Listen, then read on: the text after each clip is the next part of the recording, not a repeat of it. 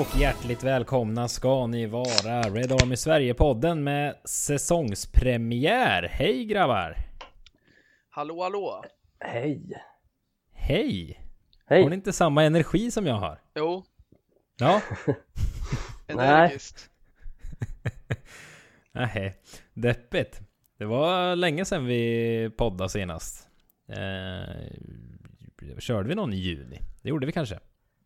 Minns inte när säsongen tog slut. Bra fråga, Det- ingen aning. Ja, Mm, bra, funderar- intressant fråga. Nej, Jag funderar på om vi har hitt- hoppat över en kalendermånad liksom, eller om vi har kört i varje månad här. Vi Det körde vårt sista andra juni och haft ett uppehåll sedan dess. Jävlar vilken koll. Mm. Google Ja, Master. Nej, Ja. jag gick bara in på Spotify. Mhm. Ja, det Så kan man också göra. Ja, men då håller vi igång i alla fall eh, och har inte hoppat över någon hel kalendermånad. Det är duktigt av oss. Fan Ja, vad gött. det tillförde någonting faktiskt. Mm. Nu blev jag energisk. Ja, kul. Kan också vara för att jag tog min första klunk öl. Ja, jag öppnar precis min, så jag säger skål till alla. Skål! Eh, Som, so, sommarskål. Han var god. Ja, det var han. Men eh, vi ska ju prata lite United som vanligt kanske. Det, vi är mitt under brinnande försäsong. Och vi har eh, skeppat ut eh, frågeinlägg till er lyssnare och vi har fått in väldigt många bra frågor från eh, väldigt många nya namn också ska vi säga. Det är mm, många, våran följarskara växer. Vem av er det nu var som noterade det här om dagen. Det är väldigt kul. Och visst har frågorna blivit mycket, mycket bättre också sen förr. Får vi vara ärliga och säga va? Ja, men jag tycker frågorna är bra.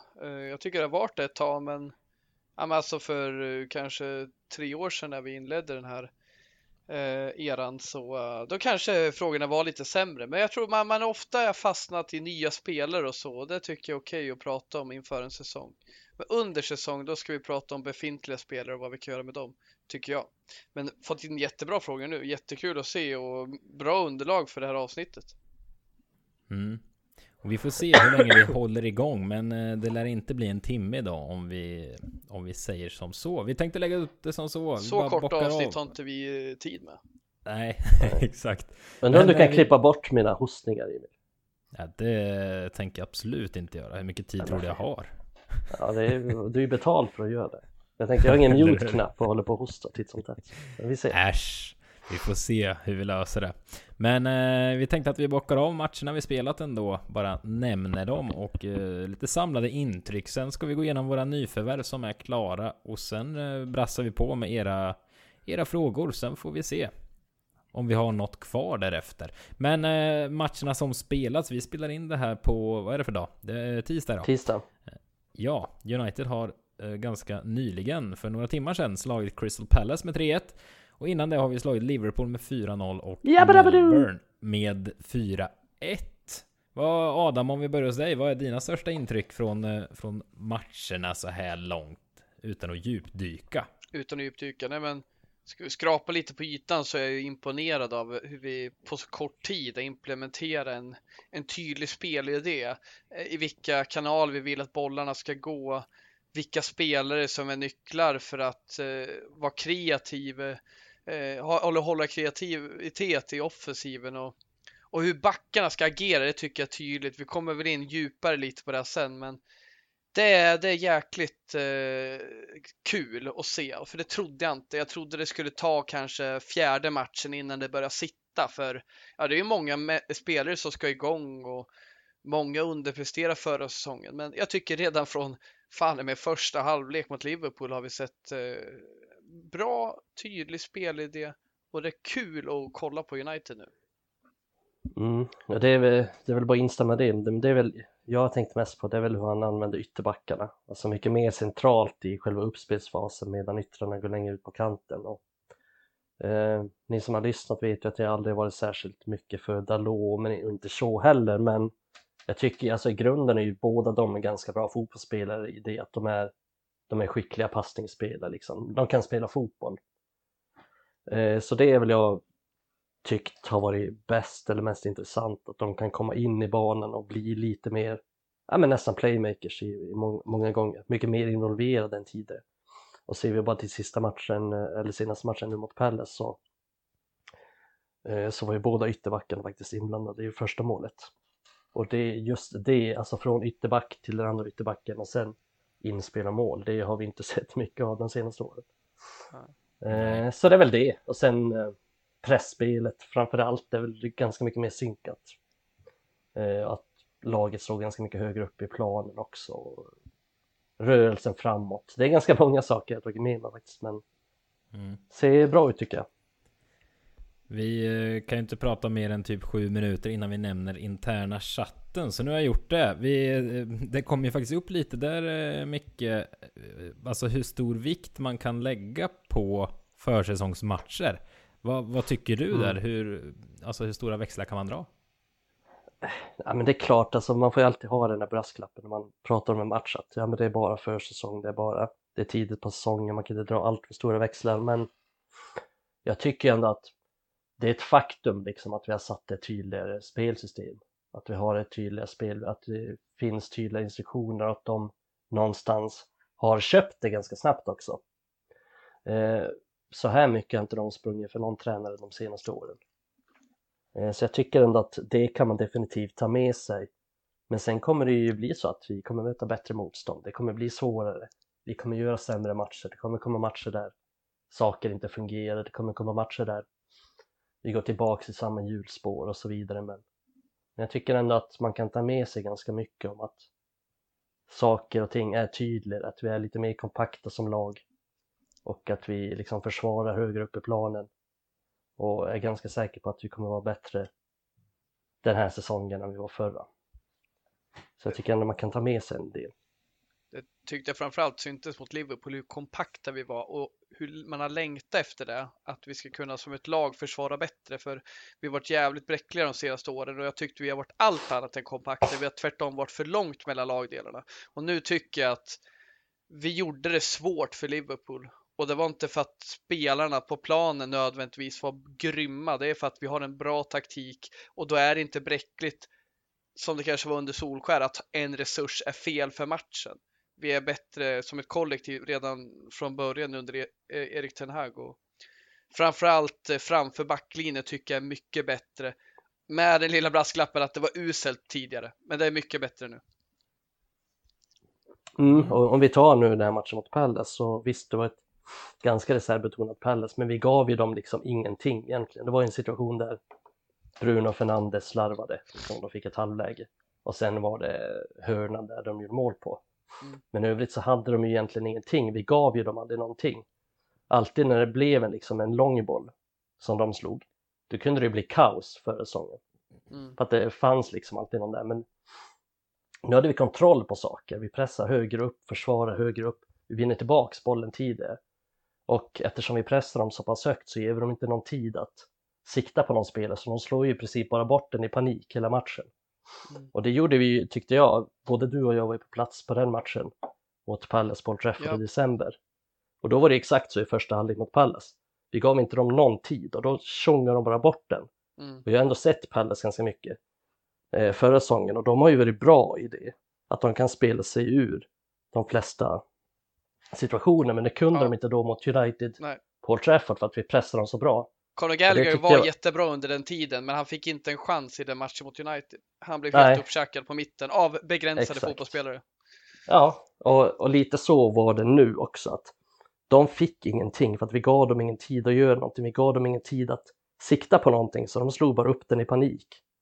Och det var väl det som gjorde Jordan Ayew så frustrerad också, där, att han höll på att kicka på allt och alla. Man fick ju ingenting att jobba med. Och, och ja, det tyckte jag väl just eh, Maguire gjorde bra i den här matchen, att han bidrog till att vinna bollen tidigt. Lindelöf kanske inte riktigt lika bra, men det är väl det vi kommer komma till när vi snackar om Martinez också, att hur Ten Hag vill spela med den typen av mittbackar. Mm. Ja, nej. Intressant det ni säger och som någon av er var inne på där att eh, förra säsongen spelade det ju i princip ingen roll vilka vi mötte. Ni nämnde att Crystal Palace hade reservbetonat lag, men Mm. alltså vi kunde möta Middlesbrough i cupen. Ja men alltså, ja men, ja men ärligt talat, man kunde möta liksom ett svenskt superettanlag så hade United släppt till en handfull kalaschanser mot, eh, till motståndarna förra säsongen. Och det, det tycks vara ett fall framåt i alla fall. Sen, eh, ja, som sagt, vad kan man dra för växlar? Svårt att säga, men eh, eh, tycks vara fall framåt i alla fall sett utifrån. Eh, vi kommer antagligen, som ni båda varit inne på, så kommer vi eh, ramla in på de här ämnena så småningom under den här podden också. Men jag tänkte att vi börjar med att avhandla de tre nyförvärven som är klara. Eh, som sagt, vi spelar in det på tisdag. Det kan ju gå fort under silly season. Så när ni lyssnar på det här kanske vi har värvat någon mer eller skeppat iväg någon. Det vet vi inte. Men om vi börjar på den mest okända av våra nyförvärv får man väl ändå säga. Men den enda vi fått se i United-tröja än så länge. Är ju vänsterbacken Tyrell Malassia. Oklar på uttalet exakt ska jag väl säga. Det måste vi landa i. Men eh, vänsterbacken, Nederländaren. Vad har ni att säga där? Mikael får äran att börja. Har du sett honom någonting innan ens? Nej, det är första gången jag ser honom. Vad har du för intryck? Ja, men de första matcherna tyckte jag väl att han spelade ganska försiktigt och framförallt mot Melbourne så tyckte jag att både han och Ethan Laird mest spelade hem hela tiden. Jag vet inte om det var instruktioner, men varje gång de fick bollen så spelade de hem till eh, mittbacken i princip. Eh, men den här matchen mot Crystal Palace tyckte han tog för sig mer och var, ja men tycker han ser ganska bra ut, ser ut som en stabil spelare. Jag vet inte om han kommer peta Luke Shaw, men han är definitivt bättre än Alex Telles. Eh, jag tycker han ser ganska aggressiv ut och liksom bolltrygg, vältränad. Eh, så jag tror det blir ett, jag tror det blir ett bra tillskott och han är väl, vi har snackat om det innan också, att, och han är väl mest köpt, inte för att han är världens bästa vänsterback, men för att han passar in i sättet att spela och det är väl det vi har tjatat om ganska länge, att vi måste köpa spelare som passar in i hur vi vill spela, hur vi ska ta oss framåt. Och det tycker jag att han verkar göra och det tror jag också att han kommer att göra. Jag tror att det är därför han är köpt också. Eh, så jag tycker det ser lovande ut. Ung också, kan säkert bli, bli ännu bättre också. Så jag tycker det känns som en stabil värvning. Billig också. Mm. Adam, vad det, tror du? Vi, vi är väl ganska överens om att Alex Telles, eh, han, han får maka på så. Han har ju också fått spela mittback under försäsongen mm. faktiskt. Han är, tru, han är truppens sämsta ytterback och sämsta mittback. ja, ja, ja, men det säger väl ändå någonting om någonting att han inte ens får spela på vänsterbacken. Då har jag väldigt svårt att tro att han ska gå, gå före. Men Adam, tror du att eh, Malaysia har någon möjlighet att, eh, att knacka på dörren hos eh, Luke Shaw?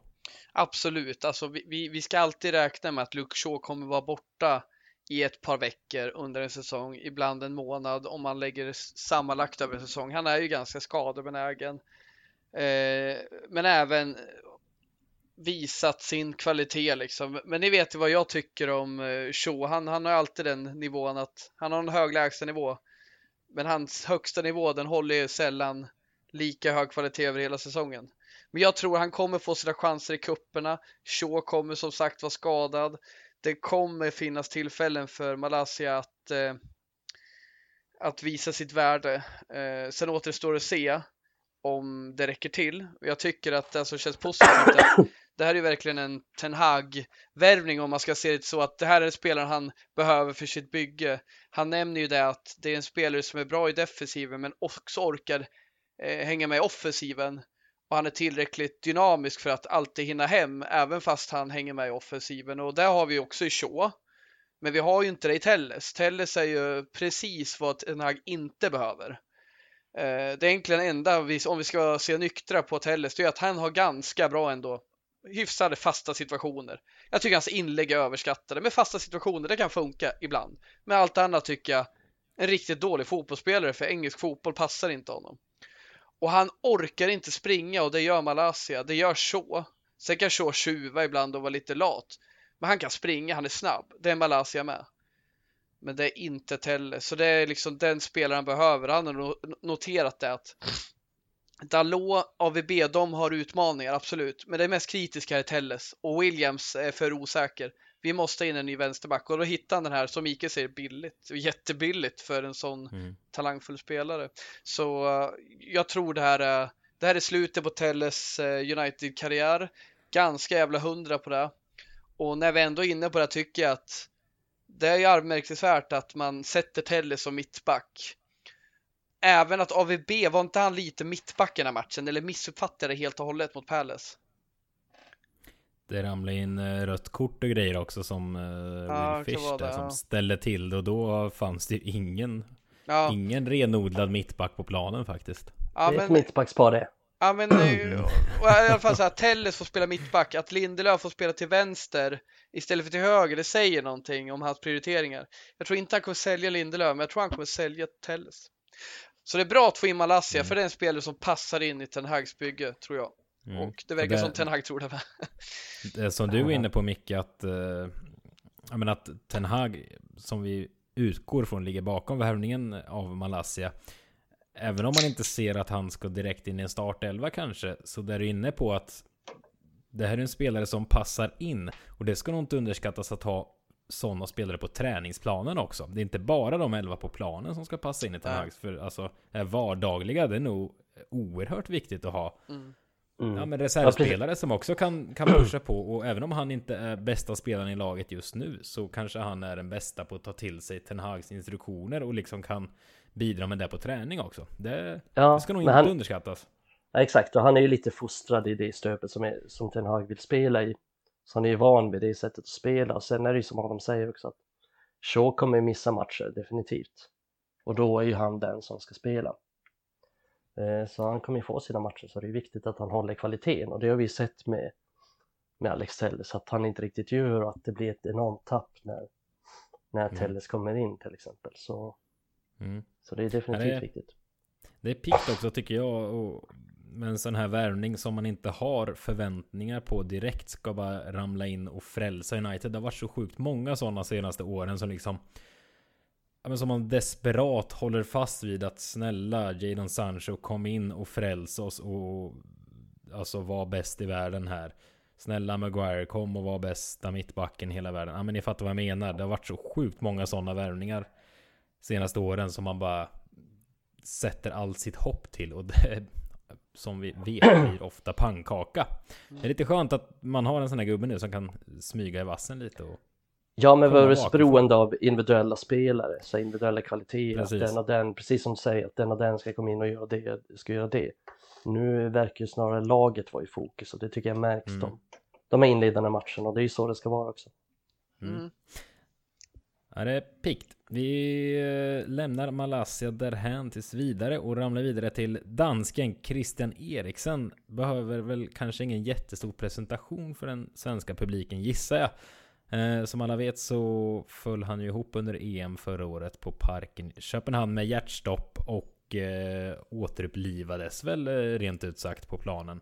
Mm. Eh, Inter tillhörde han ju då och som jag har fattat det så enligt reglerna i italienska fotbollen så får inte han spela med eh, ja, efter den operationen han gjorde där man opererat in någon form av liten eh, ja, så kallad hjärtstartare. Eh, de medicinska termerna ska jag inte ge mig in på.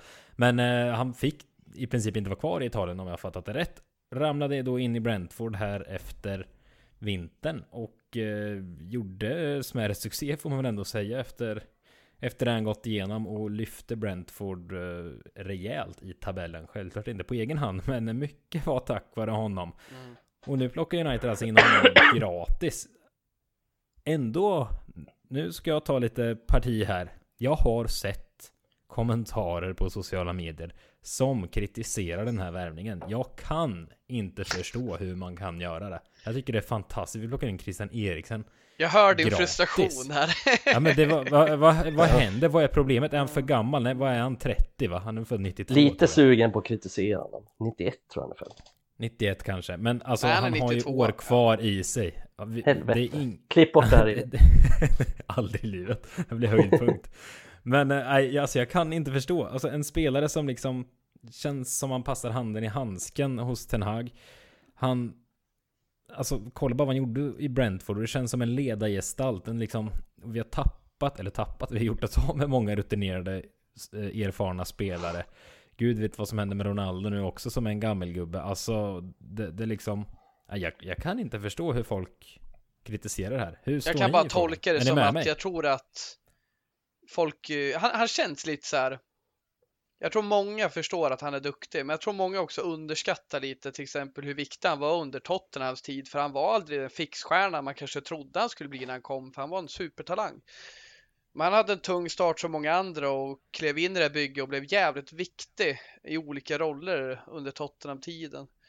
Och eh, jag tror det handlar om det helt enkelt. Jag tror, inte man, jag tror man underskattar lite hur bra han är och han är väl en sån som eh, ja, kanske inte står längst fram i ledet i vilket lag han är i, men han är en duktig spelare och bara den här rutinen du nämner med, alltså han har ju spelat många matcher i Premier League, spelat i Danmarks landslag i många år, varit bra.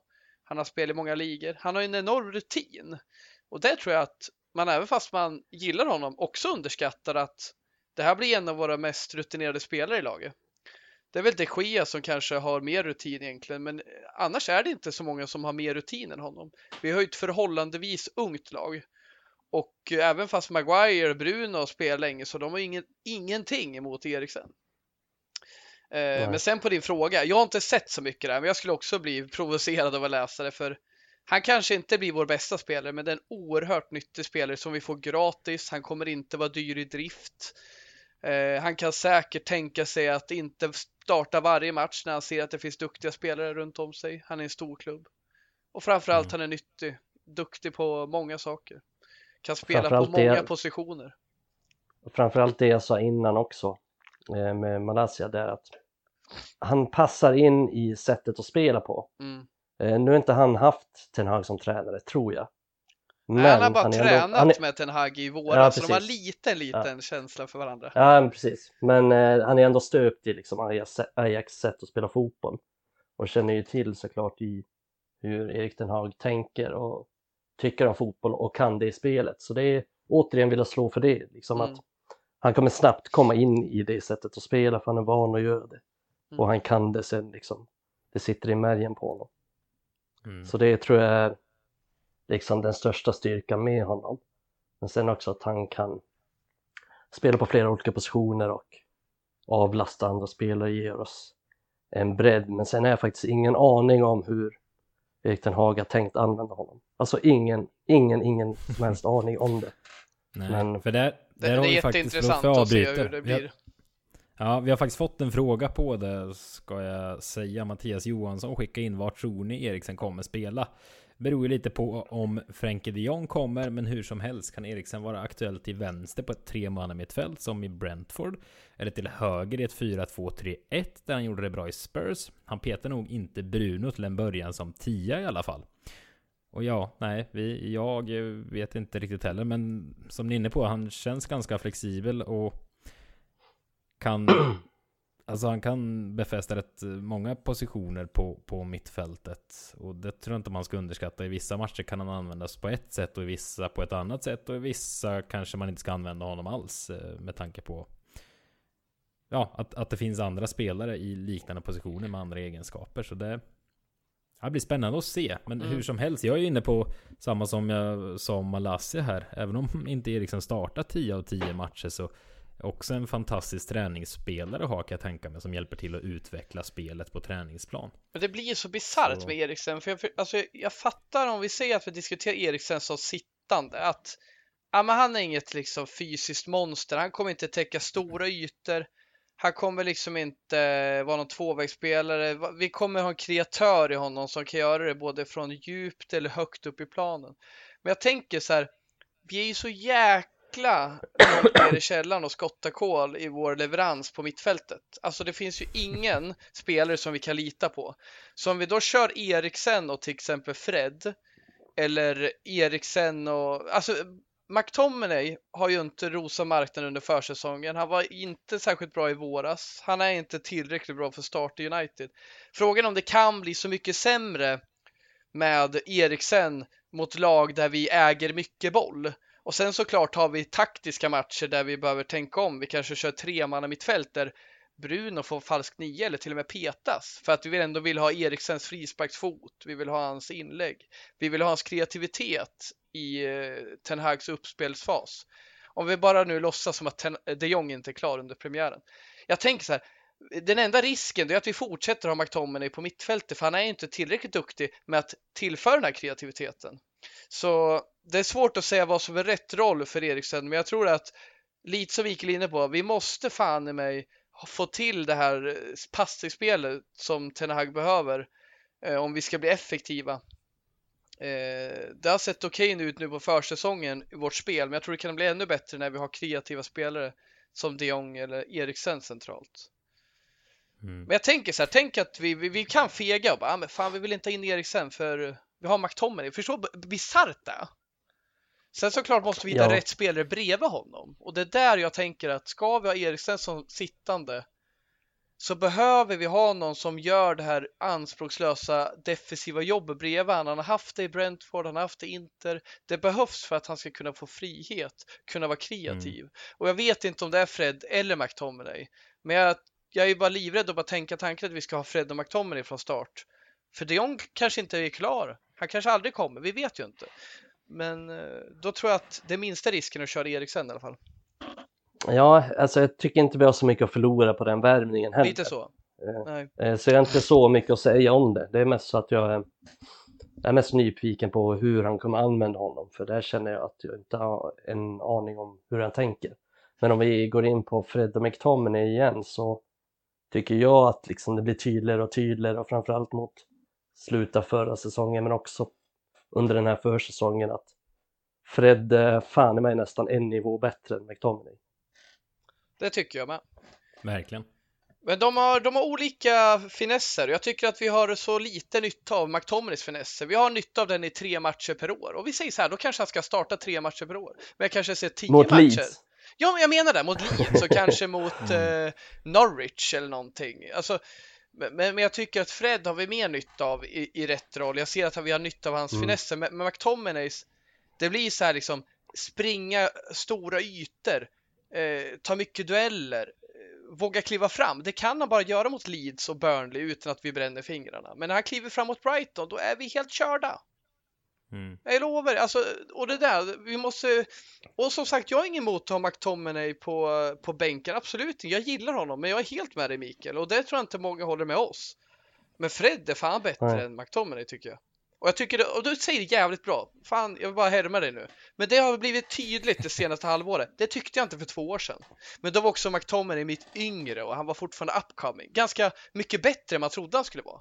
Medan Fred underpresterar ofta. Men nu, jag tycker Fred, han går från klarhet till klarhet, tycker jag. Jag tycker mm. vi kan ha nytta av han i Tenags lag. Faktiskt mm, så tror han kommer, jag tror han kommer bli nyttigare än vad många tror på mm. mittfältet under Ten Hag. Men men, men bara... det är en annan fråga. Det. Och det är också det Mikael, det är svårt att säga om han ens kommer starta beroende på vilka vi får in. Nej, det är, det är inte det, det som blir intressant att se. Absolut inte. Mm. Ja, ska man jämföra Eriksen och McTominay nu är de helt olika speltyper så. Men om man ändå, ja, innermittfältare och så vidare. Alltså, även om man ser McTominay som mer liksom köttig spelare och liksom kanske mer nyttig i defensiven. Alltså jag är inte helt övertygad om det ändå, för han, alltså, han är så dum rent ut sagt i många situationer. Han bara tokrusar ju på allt och det är den inne på. Det, det är sådana matcher han funkar som mot Leeds där alla bara springer, det är noll ordning och reda. Det är då han kan sticka upp och hänga två baljer från ingenstans.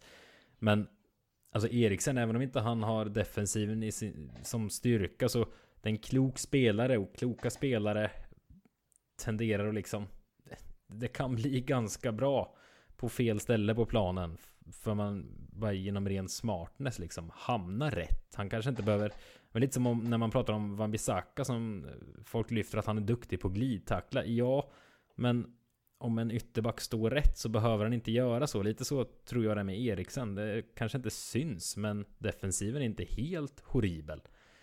Lite så tror jag faktiskt det kan vara, för han... Jag vill ha in smarta spelare i det här laget, för det har vi inte haft många, så då tar jag Eriksen före McTominay alla dagar i veckan. Och det är väl därför han kommer in också. påverkas. Ja, visst. Det är därför han kommer in också, tror jag. För att han är ja. smart och han kan det sättet att spela. Han är ja. en klok, bra passningsspelare. Men McTominay är ju lite som en sån här polis i NHL. Det är som man byter in bara för att typ nita någon. Kasta handskarna. ja, exakt. Inbytt mot Liverpool. Ja, Lik, likt Hannibal blev på Jag- Anfield. Så jag ner. Jag kommer ihåg att jag läste i Sportbladet när jag var liten att Foppa hade fått en ny eh, livvakt. Jag, bara, jag tyckte det var så jävla bisarrt. Ja, ja, det var just jag Foppa jag fastnade tänkte länge där och bara satt och tänkte bara liksom hur funkar det egentligen? Och sen bara, ja, dog det. Jag bara kom fick upp den Ja. jävla flashbacken nu. Ja men det var väl Jävla någon, tackla typ. Ja, Någon tackla typ Foppa så bara slänger de in en så här 20, 25 man som jag har spelat två sekunder innan. Han går bara in, nitar honom, sitter i utvisningspåse Ja. i 10 minuter och sen sätter sig på bänken igen. Bisarrt ta mig fan. Men eh, det var det. Nej, men eh, om vi ska lämna Eriksen för nu också. Så ramna, ramlar vi vidare till argentinaren Lisandro Martinez. Kort mittback, det är det många pekar på när man pratar om honom. Att han är ju så Åh fan, kort. Det har jag inte hört. 1,75. Nej, herregud vad det påpekas. Men han är ju mittback i, i grunden, vänsterfotad sådan ska sägas. Eh, kan även användas på defensivt mittfält och vänsterback. Han har i alla fall eh, gjort, eh, gjort minuter där så att säga. Men eh, som vi fattat det så är han värvad som mittback. Det är liksom grundtanken. Men han kan väl eh, få hoppa in där det behövs om det behövs. Men eh, ja, vad känner vi här? Stör, stör ni er? Jag vill ju tro att det här med längden är tämligen överskattat. Det är såklart det, det är bättre om man är 1,95 och har exakt samma egenskaper som man har idag. Men Alltså, jag har sett nickspelare, eh, två meters folk som inte kan nicka och jag har sett 1,70 spelare som är duktiga på att nicka. Det är liksom kan inte vara avgörande och jag vill bara lyfta en kommentar här innan jag släpper in er. Johan Björfjell har kommenterat att jag skulle vilja höra era tankar om Martinez. Kortaste mittbacken i Premier Leagues historia, väl, med sina 1,75. Jag har ingen aning om det stämmer. Eh, ändå imponerande statistik i luftdueller med mer från Eredivisie. Eh, med den skickligheten i passningsspelet skulle han kunna spela defensiv mittfältare också. Något som skulle kunna behövas i vissa matcher. Men vad, vad tror ni? Ordet fritt. Är ni oroade eller känns det jättebra? jag hade varit oroad om liksom han var kort och sen var luftspelet ett problem för honom. För då, ja, men då, då kommer han bli mobbad, även av spelare som Chris Wood eller kanske Jeffrey Schlupp. Det, det, det tror jag, men, men så är ju inte fallet. Han är kort och det gör ju att han kanske aldrig blir en eh, Vidic eller Terry. Det kan vi slå fast. Men jag tror ju att det är bättre att vara 1,75 aggressiv, jävligt, eh, jävligt aggressiv i luftspel och vilja vinna sin duell än att vara typ 1,70 som Lindelöf och inte tycker det är jätteviktigt att vinna sin lyftduell och ibland till och med blir kortare när man hoppar. Så jag tror alltså att med, det, med de orden, alltså i Ajax så hade han, jag läste statistik av, hund, av, av spelare som tagit 100 luftdueller eller fler så är Martinez den som varit bäst på att vinna sina luftdueller. Han har bäst procentchans att vinna luftduellerna. Och i Champions League hade han också ett status som var bättre än Maguire och flera bra spelare. Alltså, jag, jag tycker inte i det här fallet så. Ja, ni hörde vad jag sa. Daily Blind. Där har vi en kort back som inte är bra i luften. Då har vi ett problem. Och det märkte vi. Mm. Han var ju inte grym som mittback och när han var bra då, då var ju inte det för att han vann luftdueller. Så jag, jag tycker det, det blir lite överdrivet. Men jag förstår att man har en farhåga för att han är, är kort och i vissa matcher kommer han kunna ha problem. Men i de matcherna kanske vi inte ska ska spela med honom heller. Vi kanske ska se till hans styrkor och se till vår bredd att vi har nickstarka spelare som till exempel Maguire. Sen tänker jag också de här som han kan ha problem mot i luften. Jag tror inte han har problem mot 1,85. Men säg att han har problem mot 1,95. Det är ganska få idag. Det är inte som för 20 år sedan. Så jag ser inte det som ett problem. Men jag ser det som en lösning på våra problem där vi inte har någon aggressivitet i vår backlinje. Det är under all kritik. Till och med en spelare som Varann är ganska ganska klen i, i det sättet Ten Hag vill spela. Jag vill inte dissa Varann, men varken han eller Lindelöf känns särskilt aggressiva nu under försäsongen. Det kan jag tycka Maguire har känts aggressiv. Men det kommer behövas Mm. och där kommer Martinez in med kompetens och en leverans som vi har saknat. För Lindelöf, han, kom, han, han kommer få det tufft nu alltså. Jag, jag tänker bara på det här att han har spelat till vänster i backlinjen. Det är, det är en indikation på att han inte är en startspelare. För det kommer Martinez nog vara. Mm. Och sen får man ju också se till hur ska, hur ska det här laget spela? Vad, vad värvar han för spelare? Vad kommer han ha för roll? Och det kan vi se under de här försäsongsmatcherna. Jag sa redan innan att United står ganska högt upp i planen, vill vinna bollen tidigt. Och det är exakt det Martinez är bra på. Han är bra på att stå på mittplan och så kommer en boll upp mot ett anfallare och så vinner han duellen. Och det blir oftast liksom en halv, halvtaskig boll anfallaren får jobba med. Han är jävligt bra på att vinna de duellerna, på att vara aggressiv i de lägena. Hade vi varit ett Big Sam-lag, vi försvarar med tio man, Martinez ska stå i de Geas famn och nicka bort bollar, nej då hade den aldrig köpts. Förstår ni vad jag menar? Mm. Man köper en spelare Absolut. som passar det sättet som det är tänkt att vi ska spela på. Han Och kommer ja, hade, inte hade, behöva nicka. nej exakt, hade han spelat i Big Sam-laget, då hade det varit ett problem att han är 1,75 och kanske inte vinner nickdueller mot Chris Wood. Men hur många nickdueller kommer han ha mot Chris Wood i straffområdet? Inte många tippar jag på. Eh, så jag tror inte att det kommer vara ett superstort problem faktiskt. Men det är klart att jag hade ju hellre sett att han var 10 centimeter längre och Mm. ännu bättre i luften. Jag hade också sett att han hellre var snabbare än vad han är och ännu bättre med fötterna än vad han är och så vidare så- och så vidare. Man kan ja. alltid, man kan alltid liksom vilja ha mer. Så kan men- du säga om alla spelare. Ja, exakt, så kan man lite Så det, som är liksom- min poäng. Ja. Nej, så jag, så jag känner väl mig nöjd med det. Det är ju det är viktigt för Ten Hag, det sa han ju igår också i en intervju att jag har analyserat United och jag har sett att alltså i, på vänstersidan i försvaret så hade vi väldigt stora problem och han vill ha in en vänsterfotad mittback och Mm. någon som är han sa det också, någon som är mer aggressiv och liksom Mm. han vill ha mer personlighet och Mm. Och där läser jag mellan Eh, och- raderna att det var ju inte Pau Torres som scoutingdepartementet hade föreslagit rätt resurs för hans spelstil. Där kände han väl Nej, att nej, men jag precis. behöver inte ha fler som honom. Jag vill ha något annorlunda. mm, Och där passar han väldigt bra in. Och en vänsterfotad mittback gör ju också, vilket såklart hade kunnat vara Torres då, men det gör ju att vi kan köra en trebackslinje. Vi, vi, vi blir lite mer flexibla i vår taktik och även fast han kanske inte tänker idka honom som ett ankare så finns ändå möjligheten. För som jag tolkar det så tycker han inte att han täcker tillräckligt stora ytor och springer över tillräckligt stora ytor för att vara en defensiv mittfältare. Men vem vet vad det kan bli i framtiden liksom. Men, men vad det verkar som, han värvar in honom som en försvarare. Och jag tycker Nej, det sen är känns han ju- jättespännande alltså. Ja, sen är han ju stört bra med bollen. Nu har jag bara sett... Och de här liksom passningarna på- han slår, de skojar man fan inte bort alltså. Nej, alltså det är otroligt bra. Otroligt bra första pass liksom, att slå igenom, slå igenom lagdelar. Ja. Men också Men- slå längre, liksom så här djupledsbollar som Lindelöf har gjort några gånger förra säsongen. Mm. Eh, så det är, just det är väl någonting som jag tänker att Ten Hag har identifierat i det här laget att vi varit väldigt dåliga i speluppbyggnaden. Även om jag tycker att liksom Lindelöf är ju rätt bra med bollen och Maguire är rätt bra med bollen och Varann så jävla dålig med bollen är han inte. Men vi har ändå varit jävligt dåliga i speluppbyggnad. Vi har aldrig hittat liksom någon mittfältare, vi har aldrig hittat igenom. Vi har aldrig kunnat bygga upp spelet. Men det är ju för att det inte funnits några idéer då.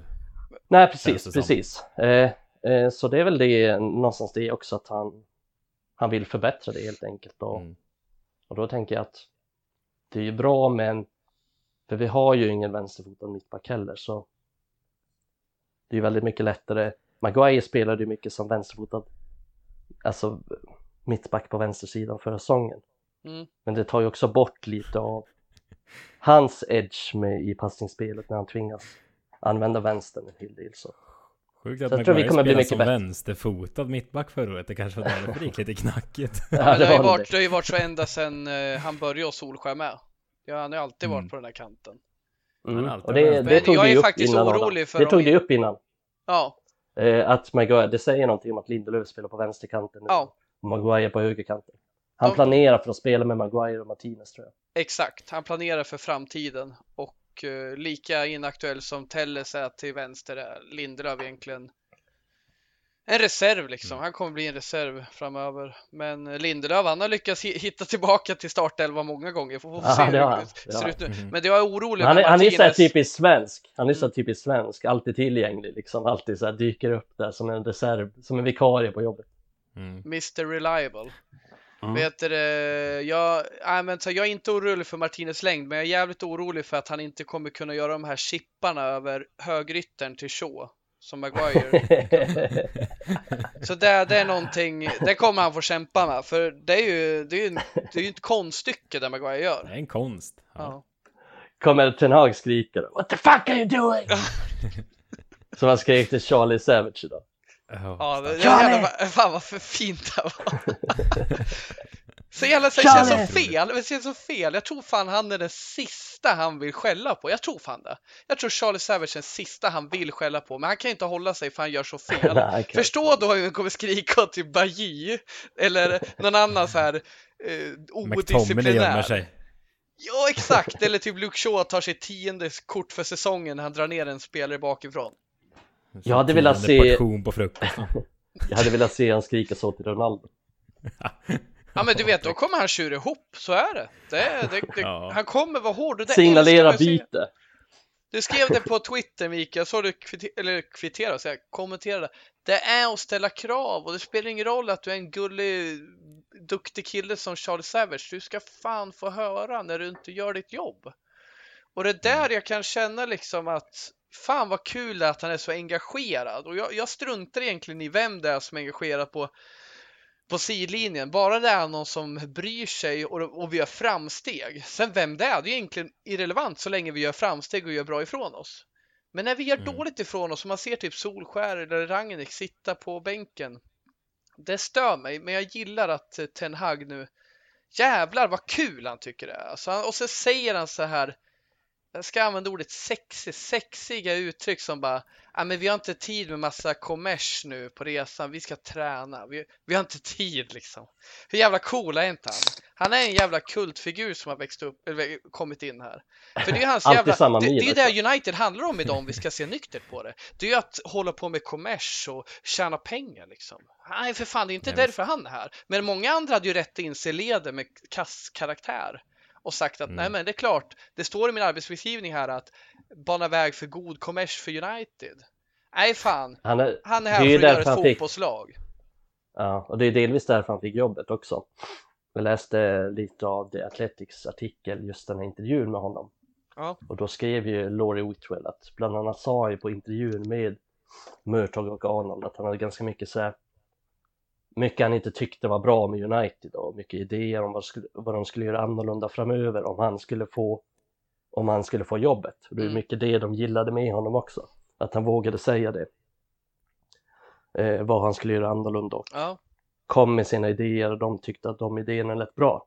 Så det är mycket därför också som han är där han är och han ska ju såklart bara köra på med det. Ja det är sexigt som sagt. Det är det. Fan vad jag går igång på den där gubben alltså. Jag Nej, det är ska... sexigt. Är det för att eh, det är så du kommer se ut också?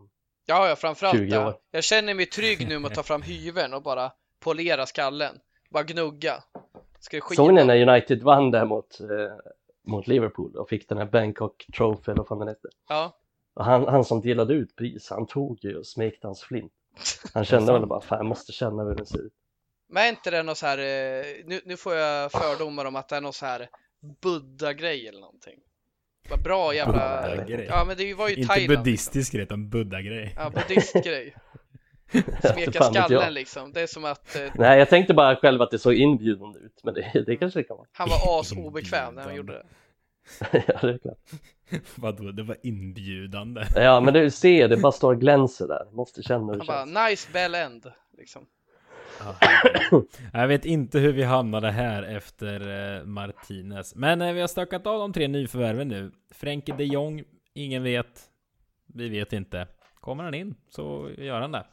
Eh, jag tänker vi ramla vidare här och börja stöka av eh, frågorna en Stöka efter en. Så nu av. kommer vi... Ja, stökar av Nytt uttryck Så- jag vill dra Ja. Men nu kommer vi hamna överallt och Har han sagt, ska vi brassa på en? Nej, Brass. brassa det är på med Adams. kanonerna. Det är ju Adams uttryck. Skojar du eller? Du säger det hela tiden. Nähä. Jo.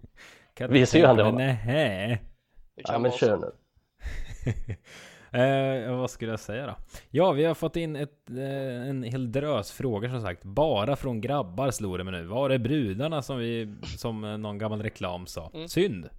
OLV-reklam eller? OLV. Ja, jag tror det. Ja. Jag tror det. Det ju, finns ju faktiskt, eh, vi vet att det finns tjejer som lyssnar på oss. Ni får eh, fasiken skicka in frågor. Ni prioriteras nästa gång vi har frågelåda. Eh, hur som helst. Definitivt. Robin Brevitz har skickat in frågan. Hur ser ni på att många deppar över transferfönstret efter ett par dagar slash veckor då? Efter ett par veckor får vi säga nu i alla fall. Eller ja, han menar att folk deppar redan efter ett par dagar. Ja, ja. Eh, om vi ser vad vi behöver förstärka inför säsongen så är det en CDM enligt mig, alltså central defensiv mittfältare. Men samtidigt som samtliga, men samtidigt om samtliga spelare som underpresterade förra säsongen, eh, ett fåtal som inte gjorde det, så har vi ändå ett väldigt slagkraftigt lag. Det laget vi har, om vi får full potential, borde kunna spela om topp 3. Vad tycker ni där? Har vi ett, ett lag, en trupp som kan hota topp tre? eller? Eh, ja, vad säger ni? Måste vi värva sju gubbar till för det? Åh, fy fan vad svårt det är alltså, att svara på det där tycker jag. Eh, jag tycker vi har gjort bra värvningar. Eh, min fasta bild är att även fast, eh, jag tror att många kan coachas till bättre fotboll i det här laget. Eh, jag håller med om att eh, topp tre, jag, jag tycker det känns tufft att göra det för med tanke på att våra konkurrenter förstärker och lär vara bättre än förra året. Till exempel, jag tror Chelsea kan till och med till och med vara bättre än förra året. Jag tror Tottenham kommer vara bättre än förra året. Men eh, ja, shit alltså. Det, jag, jag vill också ha in en CDM som man säger. Jag vill det, men jag tror inte det kommer hända. Och man kanske Nej. får förlika sig med att det inte blir så att vi ändå hittar ett sätt där vi inte spelar med en CDM, men någon slags trebackslinje där en tar det, det mest, eh, trebacks, förlåt, tre, oh, tre manna mittfält. Fan snackar jag backlinje för, helt sallad. Eh, sådär, ja men eh, får vi in de Jong är jag fan nöjd liksom. Det är jag. Sen kan det här fönstret vara bra, för jag tycker liksom en anfallare skulle såklart vara bra också, men beroende på vad som händer med Ronaldo. Jag utgår från att han till och med kan dra och då har vi jävligt tunt i centrala anfallslinjen. Men ytterligare det tycker jag Men inte är kanterna nödvändigt. tycker jag. Jag tycker inte Tycker inte? kanterna. Nej, jag så här. Jag förstår att man vill förstärka för vi har inte jättehög kompetens där. Men vi har spelare värda att satsa på. Vi har till exempel Pelistri och Ahmad. Och jag säger inte att de Mm. kommer vara grymma i år. Men vi har ändå spelare där. Vi har Rashford, Sancho. Vi har Martial som inte tycks lämna vad det verkar liksom. Som, om nu Ronaldo är osäker. Det är egentligen vårt enda offensiva alternativ centralt. Mm. Eh, men, men så här, jag, jag klagar inte om vi köper en, en ytter till ett bra pris, men det ska ju inte ta upp vår kassa så att vi inte gör andra viktiga förvärv.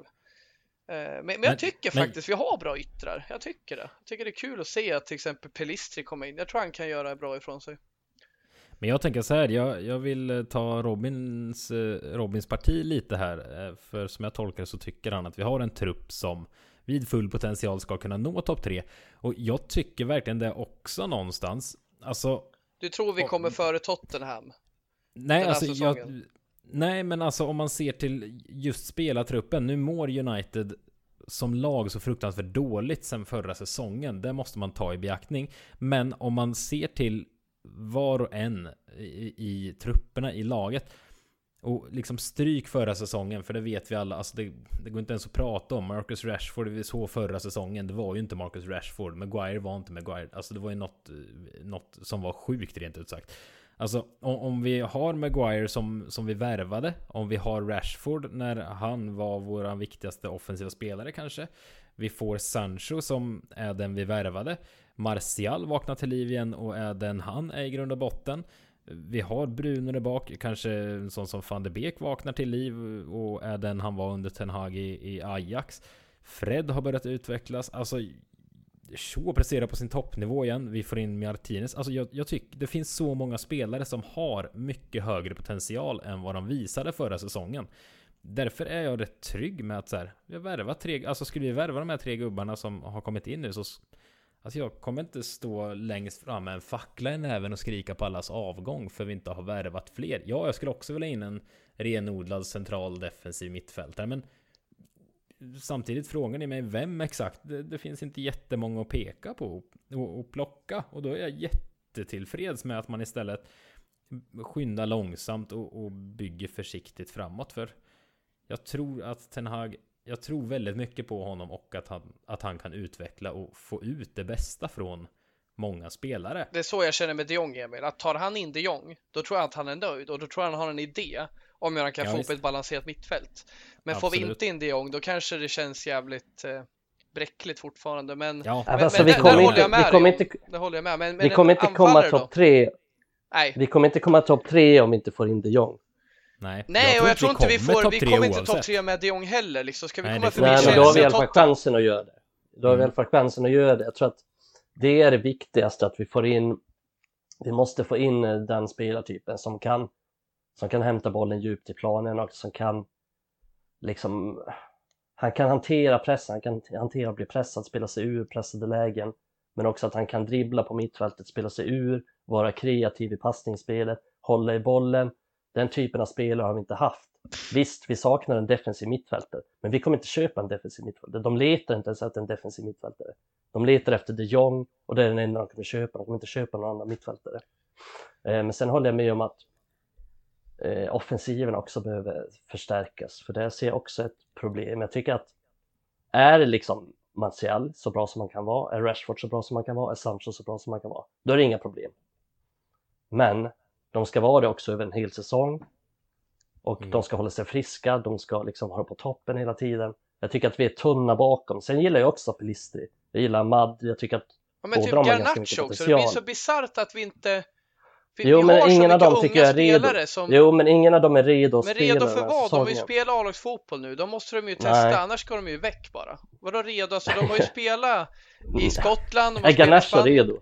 Nej, Garnacho han kanske, han kan få lånas ut, absolut. Men Amado Pelistri, jag menar, vi måste ju ge dem chansen, vi måste ju träna på det. Och, och de ska ju inte starta. Ja, visst, visst. Men, men vad ska vi köpa in? Jag menar, typ som Anthony man snackar om. Jag förstår, det är en bra spelare. Men Ahmad är också en supertalang som fan knappt fått chansen liksom. Han fick ju väldigt äh, lite speltid. Nej, jag håller med. Jag hade också velat på ett sätt att man satsar på honom. Men eh, jag tror samtidigt att han själv personligen hade mått bäst av att få spela regelbundet. För jag tycker fortfarande att om vi tar just Ahmad, att han är lite för klen i nuläget. Eh, lite för svag i kroppen, men sen tycker jag att han har alla, han har alla egenskaper för att kunna bli en, till och med en startspelare i United, för han har tekniken, han har spelsinnet, han har liksom touchen, han har allt det. Men det är ju det att han behöver jobba på fysiken. Och det är väl lite samma med Pelistri också, att han, visst han är lite bättre fysiskt kanske, men behöver jobba med typ eh, beslutsfattande och sådana saker. Och just de tror jag mår bäst av att kunna vara utlånade.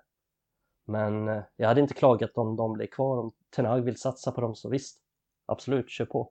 Jag tror Men... ju så mycket på dem. Jag tror ju typ att Ahmad och Eriksen på varsin kant i vissa matcher skulle göra jävligt mycket nytta när vi, när vi trycker ner laget. Nu ska vi såklart inte peta Sancho, men vi säger att vi, vi vill vila Sancho en match. Så Ahmad och Eriksen är ju sådana som verkligen, eh, om de ska vara högt upp i planen, eh, gynnas av att det inte är jättestora ytor för de är inte särskilt snabba men de är väldigt trygga med bollen och de är tålmodiga.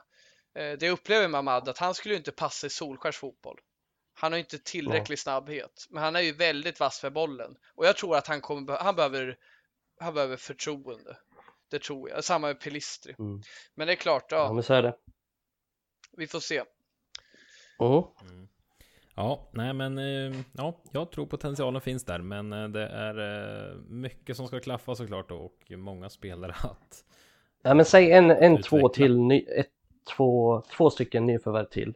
Så mm. att vi får in de Jong och så får vi in en striker slash ytter. Och den strikern kan vara helst någon som är under 30 år och kan göra typ, ja men säg att Martial blir ordinarie.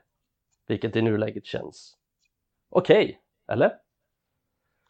Då ja, ja. tycker jag ändå att liksom, då tycker jag ändå att Om han är som får, vi in en, får vi in en ganska talangfull striker som kan göra 20 matcher och 7-8 mål så är jag ganska nöjd med det. Ja, och då nej. tror jag att det kommer ge mycket. Nej, jag är med dig. Vi, må, alltså jag, vi är inte enig med ytter, men jag är med. Vi måste nog fan utöver de Jong ha in en anfallare känner jag. Som ändå liknande. Men jag är ju inte lika trygg med Martial och känner fan vad det är viktigt alltså. För jag litar varken på Martial eller Ronaldo över en säsong. Och det är fan viktigt att få in Nej. någon. Men jag håller med dig, det, det behöver nog vara någon.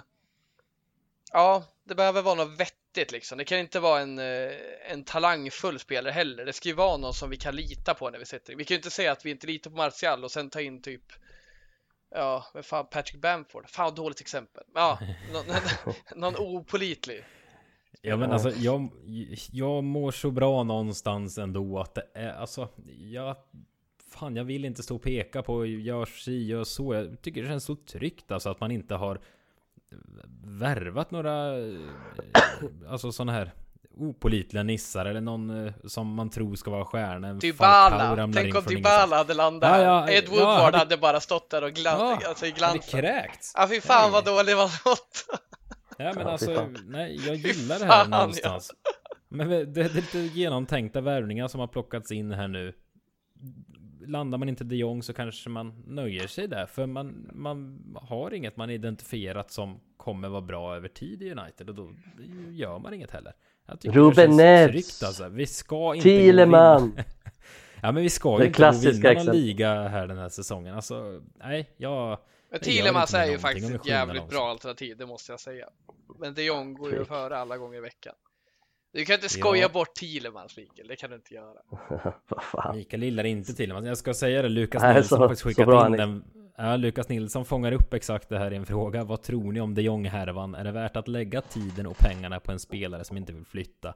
Är inte Juri Thielemans ett bättre alternativ? En spelare som kan PL och i mina ögon inte en sämre spelare än de Jong. Vi har ju redan varit på det. Men en, en grej vi inte har diskuterat här i podden, vi har diskuterat eh, tidigare, eh, vi sinsemellan. Men eh, det är ju lite olika lägen nu på, på nätet kring det här med de Jong. Att huruvida han vill komma till United eller inte och huruvida man ska liksom fortsätta pusha för en spelare som uppenbarligen inte har United som första val.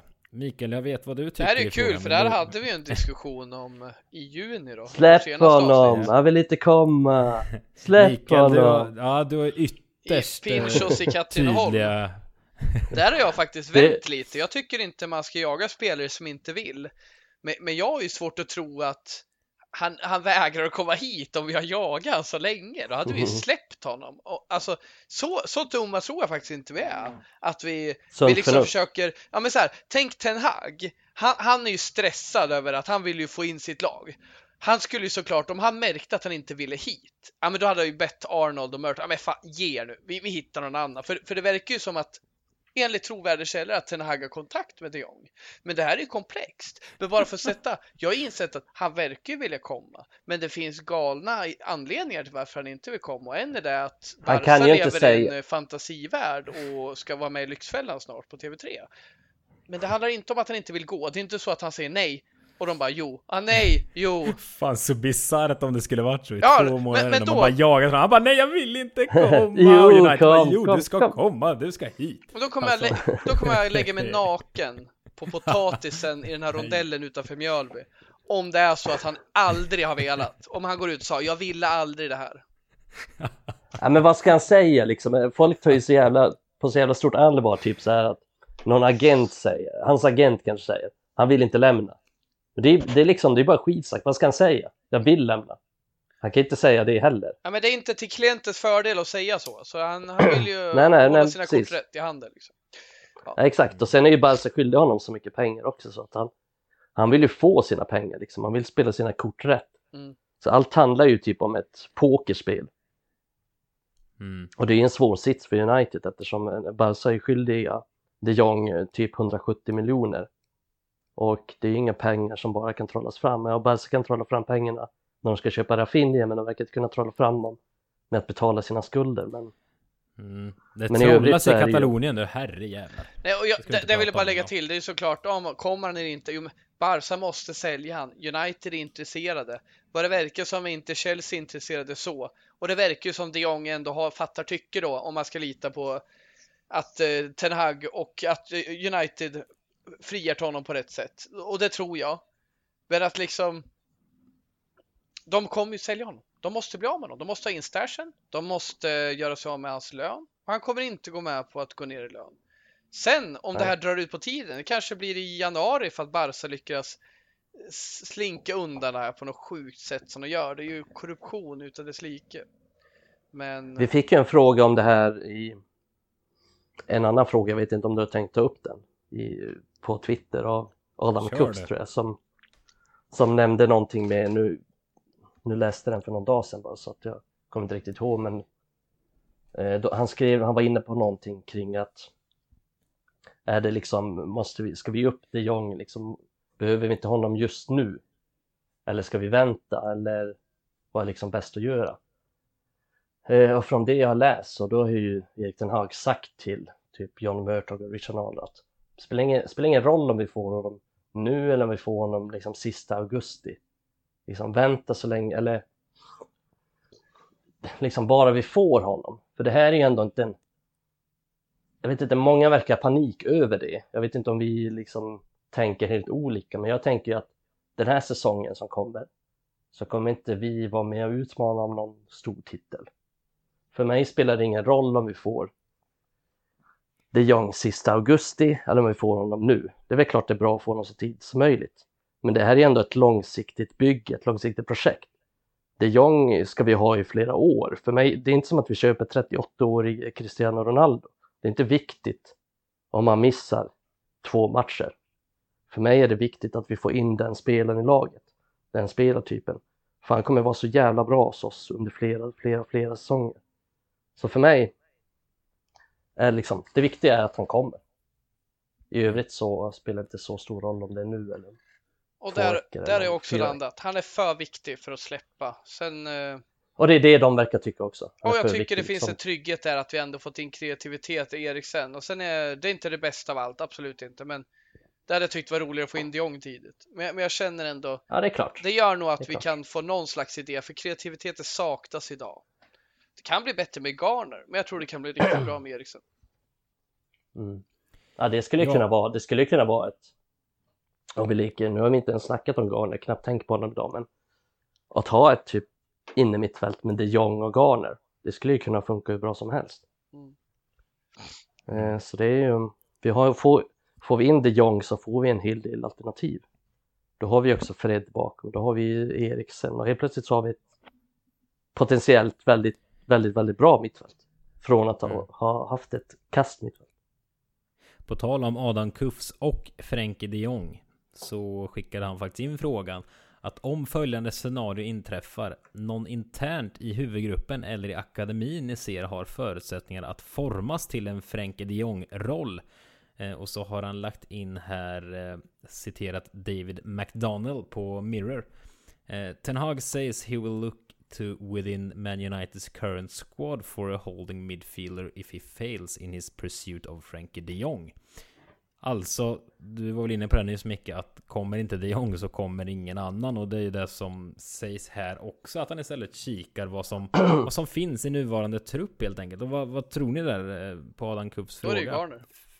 Finns det är Garner eller? Jag tycker det. det jag, jag, ser ingen annan som är närmre. Om inte kanske då Hannibal, där får du förklara men Mikael och ta ner mig i så fall. Men jag känner att Garner är den som jag tycker passar in bäst i vad han kan. Att han, eh, i, i de kvaliteterna. För, eh, för eh, jag ser ju inte det i några av de seniora spelarna idag. Nej, Sidan inte seniorer. har imponerat med... hos många på försäsongen. Det har du bättre koll på, ja, Micke. Ja, men alltså om vi bara snackar någon som är mest lik Frenkie de Jong så tycker jag att Zidane Iqbal är det. Och det är väl därför han gillar honom, tänker jag. Det är därför han spelar honom. För att han kan komma ner djupt i planen och hämta bollen. Han kan göra sin gubbe på mittfältet. Han kan spela sig ur pressen. Han är ännu han är bättre en... touch än Garner. Han är mycket närmre bollen. Han är, han är, ja, det är han. Han är bättre på att dribbla liksom. Han är kvickare. Eh, så det är väl, misstänker jag, den därför han spelar honom lite också. Den har fan inte jag För... tänkt på. Den är ju asintressant ja. den delen. Ja, men, men han är ju lik honom i längre spelet, eh, Iqbal? För det har man ju inte sett så mycket av. Nej, alltså det är väl inte hans största styrka liksom. Han är ju bra i det kortpassningsspelet och, och ja, sjukt vass och alltså, jätteimponerad av honom. Mm, nej men han har ju varit bra. Sen tror inte jag att han är liksom redo att komma in och bli en startspelare på Uniteds mittfält nu, men han är väl mest lik honom, sättet att spela och Uh, sen, fan det är svårt att säga för att uh, Zidane Iqbal fick ju frågan också i en intervju efter matchen mot Melbourne. Och han har ju själv ingen aning om han kommer bli kvar eller om han kommer bli utlånad. Eller om, ens, om han ens kommer spela A-lagsfotboll. Han sa att jag kanske bara spelar U23, U21-fotboll. Det vet han ju inte ens själv om. Jag tror inte Ten Hag själv ens har bestämt sig kring det.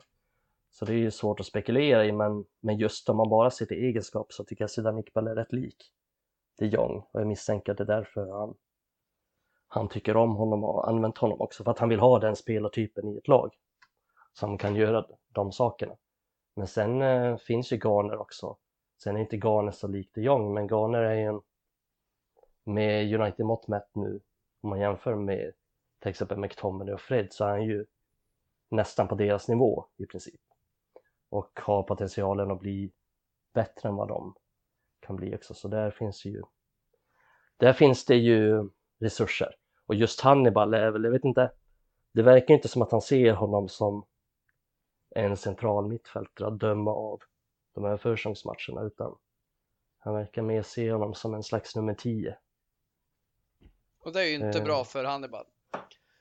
Nej, det är det inte, för det är inte bra för, för någon egentligen. Vi ser bara att Donny van de Beek får knappt spela någonting. För han ser ju Donny van de Beek som en tia eller typ som en second striker som han sa. Mm. Eh, nej, så det är inte bra för Hannibal. Även om jag tycker att Hannibal har potential att spela längre ner i banan och kan vara väldigt bra där också. För han är också bra på den typen av saker. Kanske läge för ett, eh, ett lån då? Att han får komma ut och spela lite A-lagsfotboll? Ja, det kan det väl vara. Men sen kan det ju också vara så här att han, han, vill, han har ju sett eh, Hannibal spela. Han var ju på plats på Sellers Park och såg den här matchen och då startade ju Hannibal. Så det kan ju också vara så att han, ja, men han vill se till exempel hur Savage är och hur Iqbal är och hur de beter sig i den här typen av matcher medan han kanske har bättre koll på Hannibal i den positionen. Jag vet inte. Mm. Eh, det är svårt att säga alltid men ja, någon tanke finns det väl med. Yes, nu tycker jag vi tar en paus hörni.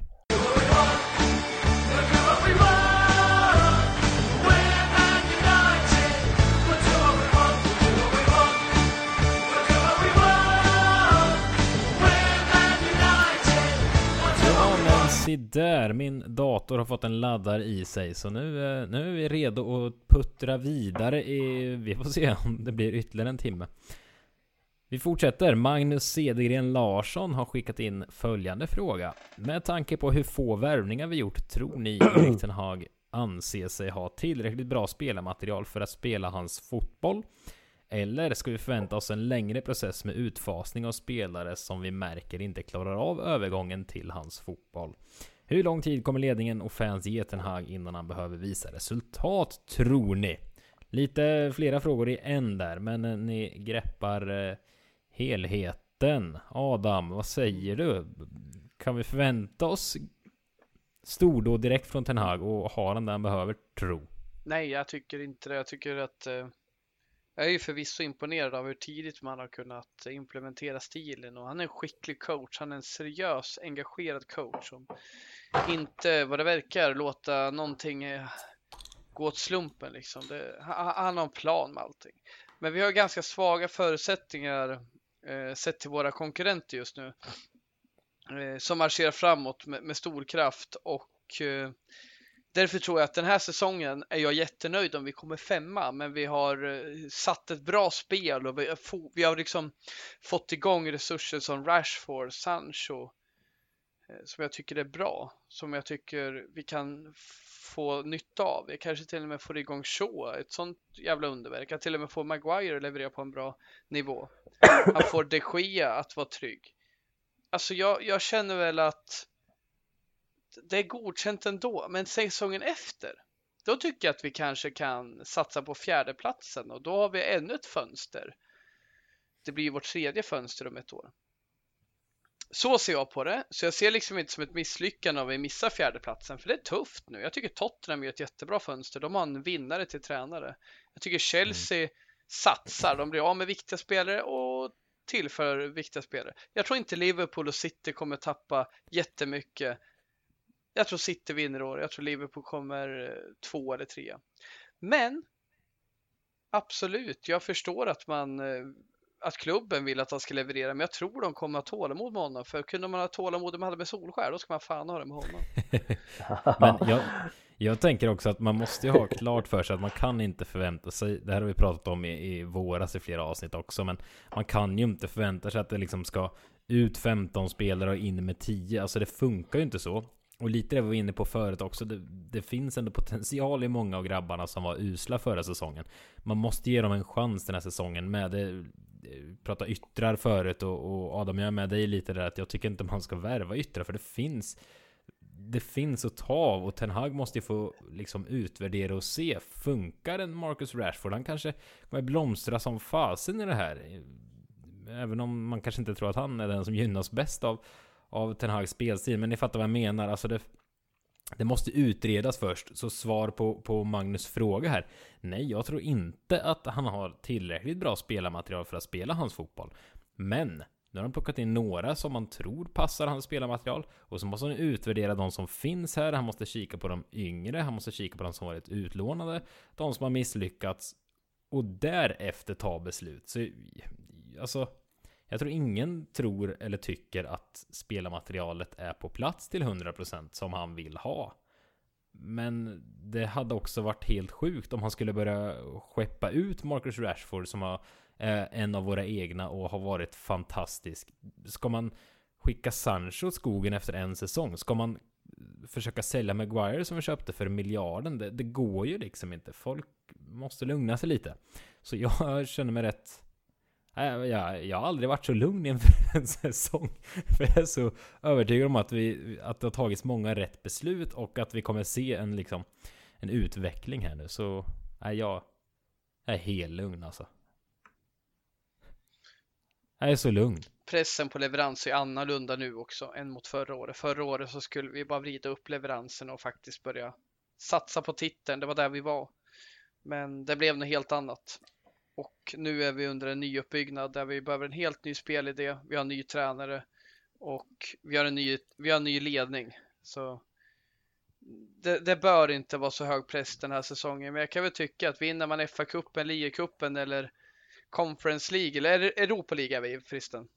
Eh, jag tycker det, det kan man ju tycka att det ska man kunna gå, men att satsa på ligan, nej, det, det är ju inget att nej. tänka på. Och, och, det är faktiskt okej okay att missa Champions League med tanke på våra konkurrenter, tänker jag. Sen, skulle, vi, skulle vi komma, skulle vi säga att United kommer fyra och typ vinna FA-cupen, då skulle jag vara sjukt nöjd. Ja, det skulle vara sjukt imponerande. För då har vi klivit förbi Tottenham. Ja, Eller men jag Chelsea. tror att det är, jag tror det är att det är ändå det är möjligt, men det är, inte, det är inget mm. man ska tro att de ska göra. Nej, men det är, det är realistiskt skulle jag säga. Absolut. Men eh, jag tror ju att United kanske kommer, med, får jag frågan nu så kanske jag säger att United kommer femma. Mm. Men det är, inte, det är inte omöjligt att vi lyckas ta oss till en fjärde plats och Nej, fan Conte kan ju bli fångatagen och Kane kan ju ja, liksom bryta benen. Det är klart, allt kan ju hända. Men, eh, ja, men så jävla bra är inte Totte där. Fan, Nej, men, men du, du håller ju med om att men... det, ser, det ser intressant ut det de gör och att de har ju ligans bästa målgörare. Och de är jävligt, de har en bra tränare. Ja, det har de. Ja. Mm. Också ligans tre sämsta mittbackar. Ja, men de har ju värvat nya mittbackar också. men, men, eh, men i alla fall, men eh, det viktigaste tycker jag och som jag tror att ledningen också tycker, jag tror, för jag håller med er, men jag tror att ledningen har ganska stort tålamod, jag tror fansen också har stort tålamod. Men det viktigaste är ju att vi ser någon slags utveckling i spelet, det är väl det som jag tycker är det viktiga, att vi är på väg någonstans. Ja, och ser man det då, då kan man acceptera att man blir femma och kanske inte mm. vinner någonting nu heller. Men eh, blir det som med Solskär, med, med Solskär så var det ju så att det, det leder ju ingenstans det här spelet. Det är ju bara liksom, ja men vi lyckas vinna någon match på att Bruno Fernandes gör två straffmål liksom. Det var ju aldrig på väg någonstans. Vi hade ju aldrig ett spel tvåa? som var... Hur kom ja. vi tvåa? Det är största gåtan. Det, alltså det... vi kom i trea en... säsongen innan. Jag tror vi löser Palmemordet före någon fattar hur vi kom tvåa där, eller talat. Ja men det, vi kom ju på tvåa på en poängskörd som man typ vanligtvis kommer sexa på. Mm. Ja. Men det, ändå. det går inte att glömma ja. hur dåliga våra konkurrenter var den säsongen. Nej, det är sant. Det var faktiskt så att vi men... ledde ligan, för ett City inledde ju också uselt. Mm. Ja, det är de. Ja. ja, det är historia. Ja, det är sannerligen. Ja, nej men utveckling, det är typ mitt enda krav den här säsongen också. Sen är allt relativt. Ja, vi kan inte liksom bli Brighton och peka på att vi spelar så himla bra, men man harvar på trettonde plats ändå. Det, det går ju liksom inte heller. Det går ju inte. Men, men... Ja. Eh, men vi blir ju inte sämre än, vi blir, vi blir liksom inte sämre än förra säsongen. Vi blev sexa förra säsongen. Vi hamnar inte sjua. Liksom. Det sjuka den här säsongen, vi kan ju komma femma och ha mer poäng än vi hade för två säsonger sedan när vi kom tvåa. Men ändå kan folk vara missnöjda. Mm. ja, det... Den är intressant. God, godtyckligt som fan är det. Ja. Jag tror ju att, eh, som ni var inne på, att, att tålamodet med Ten Hag kommer vara ganska stort från väldigt många håll och kanter. Däremot tror jag att tyvärr, det ser vi redan nu, att Eh, det kommer att vara spelarslakt istället. Eh, ibland eh, rättfärdigt, men ofta inte rättfärdigt. Alltså, gör Maguire, sätter han en fot fel så kommer ju han vara världens sämsta mittback igen. Alltså, det, det kommer han vara oavsett hur många. Ja, han, kan ja. vinna, han kan liksom vinna Ballon d'Or, han kommer fortfarande Ja, nej, exakt. Exakt. Men liksom skulle vi ligga, skulle vi ligga åtta här i oktober jag tror inte folk skulle skrika efter Ten Hags avgång. Folk skulle bara skrika ja, men han behöver nya spelare. Ja, så är det. Är det. är jag ganska övertygad om. Så nej, vi får se. Det är en eh, svår fråga som vi får återvända till. Eh, Axel Skogsberg har skickat in Diskutera gärna Martial Blommar ut och spelar sin bästa fotboll när han är nummer ett striker Men så fort han får konkurrens så säckar hans mjukglass pannben ihop och vad tror vi? Alltså han, han har ju Tur att han inte en... har någon konkurrens då. Ja, exakt. Ja, men han har ju kanske varit den bästa spelaren under, under försäsongen. Nu har inte jag sett allting, ska jag säga, i de här tre matcherna. Men... Lätt att han är borta. Alltså det är ingen spelare alltså, som varit så här jävla vass i varje match. I, i alla fall mest positiva, liksom, in i Speciellt med vad man hade för förväntningar och så vidare. Det... Men vad, vad, tror ni? Är det så enkelt som Axel är inne på? Eller han, han har ingen konkurrens nu, så nu kan han liksom briljera och, och bara köra? Eller är det tack vare Ten Hag på något sätt? Vad, vad tror ni? Jag har ju drivit den tesen länge att problemet med honom är ju när han när han får förtroende, då funkar han ju bra, men när han inte har det, även fast det kan vara rättfärdigat att vi har bättre spelare så, så, så säckar han ihop liksom. Han funkar inte bra i konkurrens. Han är ingen sån som kommer kunna vara en bra inhoppare. Och därför är det tråkigt att tänka så att ja, om vi säger nu att Ronaldo ska starta, att ha Martial som ersättare, det är liksom inget framgångsrecept. Men när han får förtroende och får mycket kärlek som han fick av Ole, ja, men då gör han riktigt bra saker han kan ju spela fotboll och han kan leverera Premier League, men problemet är att han inte går att lita på över tid med tanke på hans psykologiska begränsningar. Och det är ju det som är jävla utmaning i år alltså, för jag tror ju faktiskt nu att Ronaldo kommer kunna bli kvar. Det, det kan ju bli så. Det verkar vara svårt ja, för folk att... Eh, det verkar inte vara så många intresserade och då får vi ju... Vi har ju ett kontrakt där att respektera. Men, Saudiarabisk eh, klubb som är det. Ja, just det. Det var ju dåligt med Champions League-spel där tyvärr. Men Martial då, ska han sitta på bänken och bli taggad? Han kommer ju inte bli det, men varje gång när han känner att han får förtroende, då levererar han oftast ett tag i alla fall. Och jag tyckte han var bra under Solskär under större del av Solskärs tid. Han var inte bra när Ronaldo kom och då är vi inne på den här tesen. Han klarar inte av det. Det är som en svartsjuka drabbar han liksom. Men, han kan Adam, inte, han kan inte leva ju... med att vara i ett kollektiv där han är en del av spelet. Han måste vara the number one. Även, han verkar ha en sjuk självbild också. Det verkar vara orimlig. Det verkar som att han men förstå det här att han säckar ihop nu under hösten när Ronaldo kommer, även fast vi har en spelare som Ronaldo. Han ska ju bara komma in och ge järnet hela tiden. Gör han inte, han grinar ju bara. Han är tjurig. Ge järnet! Ledsen. Så åker han till Sevilla i kass. Men han har varit sjukt bra den här försäsongen och han ska hyllas. Vad världsklassinsats åt Palace alltså. Varenda jävla touch i de här målgörande anfallen är fantastiska. Vilka baljor vi gjorde idag för övrigt. Det är ja. bara... Alltså, nu, nu kan väl få många emot, nu kan väl få många emot mig, men det är väl så här, oh, det, är klasskillnad liksom när han spelar på det där sättet jämfört med att ha Ronaldo i laget. Liksom när han Visst. spelar på det sättet. Rent spelmässigt är det ju... Då är det ju rent spelmässigt klasskillnad.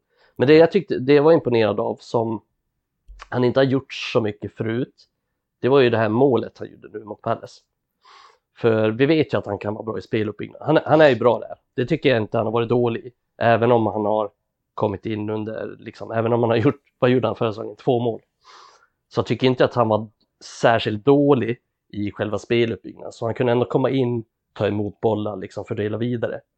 Eh, och det var han ju bra på nu. Det jag blir imponerad över nu, det var ju att han liksom att han gör det här målet, det han gör, att han är där i boxen, att det kommer in ett inlägg och så är han där liksom först på bollen.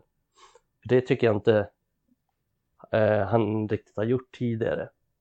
Eh, så kan han fortsätta på den inslagna vägen, ja då kommer han ju vara fruktansvärt bra, för han har ju alla de här egenskaperna. Men ja, det är som ni säger. Det är ju den här mentala biten också, att han ska kunna göra det och kunna känna det förtroendet. Och Erik Den Haag sa ju någonting om det också att eh, Martial är bra när han känner förtroende, när han känner att han får chanserna, när han känner att han är liksom den som ska göra det. Det sa han ju. Och då tänkte jag på det, då tänkte jag just på det Adam, för exakt det du har sagt och det är exakt det vi har sagt i podden också. Eh, så det är kul att han har fattat det ganska snabbt. Mm. Eh, och det tycker jag är bra att han har fattat, för då vet han ju hur han ska få ut det mesta av honom. Och, och jag hoppas verkligen att han kan få det hela säsongen. Men, men låt säga så här då. Säg att Ronaldo nu försvinner. Vi vet inte det. Men säg Ronaldo försvinner. Martial är typ den enda forwarden vi har då. Sen har vi andra spelare som kan nyttjas där så att säga. Men han, han blir den forwarden vi kör. Han startar liksom 9 av 10 matcher. Och fortsätter som han har sett ut på försäsongen nu och är jätteduktig. Inför nästa säsong då, då skulle vi ju oavsett vad behöva värva någon mer forward. Tror ni han säckar ihop då igen? Så nej, nu kom konkurrens. Absolut, det tror jag. Jag tror inte den personlighetsförändringen kommer ske hos honom. Jag så vad ska han, man han göra med honom då? Olika vad ska man göra? där han fått chansen. Men jag tror ju inte på honom i United. Jag gör ju inte det och det är just den här delen. Alltså så här, nu, nu ska det inte vara så, det är inte det jag säger, men tänk så här. Alltså, Teddy Sheringham tjurade ihop till slut United, men han var ändå del av vår bästa upplag genom tiderna när vi vann cup, när vi vann trippeln. Liksom, vi ska ju kunna ha många anfallare som kan leverera och underordna sig ett lag där vi bidrar på olika sätt. Och tänk då under eh, och Ferguson bara, det är bara Andy Cole som vill starta och jag vill eh, bara ha York. Ja men Solskär och Sheringham, de hade ju aldrig fått spela då. Men alltså, man, man måste ju låta spelare rulla om man ska vara ett vinnande lag som tävlar om olika titlar och där tycker inte jag Martial funkar. Jag säger inte att han är Nej, ensam. Alltså, han, jag säger inte att han är ensam. Han funkar... jag, kan, jag kan uppleva att Rashford är likadan. Han har ju till och med uttryckt att om inte han får spela så kanske han ska byta klubb. Så han är inte ensam, men det är ett problem för Martial med en sån stor spelare och när vi har ett sånt behov av att jag kan dra in Rashford i kritiken. Vi måste ha spelare som kan underordna sig laget. När vi har en världsstjärna som till exempel Ronaldo eller Cavani, då måste man kunna leva med att man får sitta på bänken ibland. Man kan inte... Ja, men jag, jag, tror att skill jag tror att skillnaden där är att eh, säg att Martial har, han konkurrerar med typ Charlie McNeil eller någonting. Då tror jag ändå han känner att ja, men jag är första valet. Som eh, Martial skulle sitta på bänken i en ligamatch eller en ligacupmatch, då tror jag inte han skulle bry sig så mycket. Men det är ju när han blir åsidosatt under en längre period eller när han känner att han är liksom längre ner i rangordningen, vilket han skulle vara med Ronaldo. Ja, då känner han den typen av saker. Och samma med Rashford tror jag. För att han, bryr sig så mycket om Elanga den här säsongen, om, om vi säger så. För jag tror han vet att han, gör han liksom sitt, då kommer han vara före Elanga i rangordningen. Och jag tror han känner det också. Så jag tror inte han surar ihop om han sitter på bänken i en match och Elanga spelar. Men skulle det vara en Antoni till exempel från Ajax, ja men då tror jag han hade kunnat känna annorlunda. Så jag tror det handlar om hierarki och liksom rangordning där i, i deras mentala spel. Där. Ja, jag tycker inte det är ja. okej okay när man inte är så bra. Så de är ju inte så jävla bra. Jag tycker väl ändå att Nej, man, borde, man borde kunna liksom köpa det. Sen att Ja, det är ju inte så att Martial, han har ju fått, han har fått fan möjligheten i var, hos varje tränare. Han har gjort många besvikna, men har också gjort många nöjda under vissa säsonger. Han var ju en, av våra bästa spelare en säsong med Solskär, den här pandemisäsongen. Hade jättebra connection med Bruno. Men alltså, mm. fan, det, det, det, är svårt. det är ingen jag, jag vågar lägga mina pengar på. Jag hade gärna sålt honom. Jag är lika övertygad nu som för ett halvår sedan när han eh, var i Sevilla på semester. Men, men jag känner ju som nu att som det är med Ronaldo, det är ett jävla prekärt läge. Vi kan liksom inte bara välja. Jag sitter och skriver interna chatten bara, ah, fan, vi tar in eh, vi tar in, nu får jag inte fram den här, men ni vet den jävla italienaren jag vill ha in som är på free transfer. Men liksom... Belotti. Ja, fan jag gillar honom, men det är inte säkert han funkar heller. Men jag liksom, det känns bara jättesvårt nu. Men det känns också skönt att se att han levererar Martial. Och det, han gör det bra. du är inne på en bra sak Mikael. det jag tycker är jävligt intressant, det är vi tidigt i vårt uppspelsfas där vi får bollen på kanten, hittar in centralt. Och det är dels för att vi vill spela så, dels också för att Marcia klarar av de bollarna, han klarar av att bemöta dem eh, i markhöjd och är duktig på att leverera vidare. Mm. Det är ingen krångelpelle. Jag kan tycka att Ronaldo är ganska krånglig ibland. Jätteduktig mm. ibland, men också ganska dålig touch ibland kan jag uppleva på Ronaldo. Det tycker jag inte Martial mm. har, även fast han har andra brister. Han är mycket jag... bättre target än liksom jo, exakt, Rashford, han är en bra target. Ronaldo än och så vidare. Och, och, vi behöver ju det i det här spelet. För, Även Cavani. För annars blir det att vi faller in i gammal trygghet, att vi liksom börjar driva upp bollen längs kanten, försöka liksom med något dribblingsräd, Rashford kör in huvudet i kaklet. Men nu är det tydligt, Rashford, du ska inte gå in längs kanten. Du ska spela in i mitten. Du ska hitta Martial, ta ny mark och, och sen gör han biffen liksom. Och jag ska säga det, jag tyckte ändå det funkar hyfsat bra från Ronaldo under våren när han steppade upp. Så det är ingen brist han har. Men jag håller med dig Mikael, jag tycker att Martial har bättre target-funktioner och det tycks vara gynnsamt i Ten Hags spel.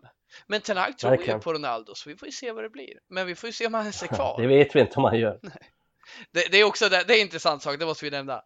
Det här är bara mina ord. Så, liksom, vi snackade om det förut att agenter säger si, agenter säger så. Vad är sant? Det är samma Tenag. Han kan inte säga nej, jag tror inte att Ronaldo kommer passa i mitt spel. Det kan han inte säga. Nej. Och, och han har vi... Ronaldo i laget som bara, ah, tveksam. Och sen bara, blir han kvar? Ja, det kanske han blir. Vi får se. Men jag tror inte så mycket på honom. Det var kul när alla var ärliga liksom. Nej, och vill man bli av med Ronaldo då kan man ju inte säga vi vill bli av med honom för vi tycker inte han är bra Nej. nog eller passar. Det funkar ju inte så. Sen kan man hoppas att de är ärliga, men det här är affärer liksom. Man måste ju vara taktisk och nej, det där är intressant, men eh, vad det blir med Ronaldo, om han är sig kvar, det får vi se. Kanske vi går att avhandla i nästa avsnitt. Mm. Eh, Erik Johansson med nästa fråga. Nu time för Micke att briljera. Samba-Erik. Eh, vem? Erik Johansson. Gam vem? Gamla bajaren. Nej, Aha. kör vidare. Ja, det gör vi. Ja. Hej. Gamle född i Flen. Åkte igenom Flen eh, häromdagen med tåget faktiskt. Då Vad tänkte du på ville jag därifrån. Ja, ja det är också gjort faktiskt. Men jag ville ändå därifrån snabbt. Mm. Såg också, eh, du brukar prata om Valla ibland. Ja, det är min åkte, hemort. Ja, åkte förbi, ja precis, åkte förbi med tåg. Och bor du i Valla? Bor du inte i Katrineholm?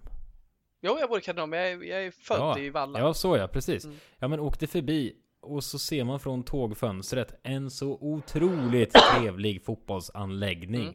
Med betoning på anläggning. Det var en liten trevlig sån mysig idyll. Mm. Och jag kände direkt, jag älskar ju sådana ställen. Jag ber alltid min sambo att nu ska vi stanna till här i en liten by för att titta på deras trevliga liten, lilla skogsvallen eller vad det kan heta. Ja. Ja men då googlade jag eller kollade på kartan vart jag var och mycket riktigt så åkte jag förbi Valla då. Vilken idyll till anläggning där alltså. Det är min moderklubb. Stora Valla? Nej jag ska berätta, det här är så fint. Lilla Valla. Det är stor spannmålssilo som står bredvid arenan. Inte bredvid men 100 meter bort. Det är stor, alla ser den liksom i hela Valla. Så den här arenan heter San Silo.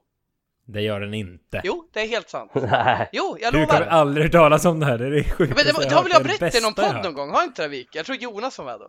Det är San Siro i Valla. San Siro? Skämtar du? Det här är helt magiskt. Är det.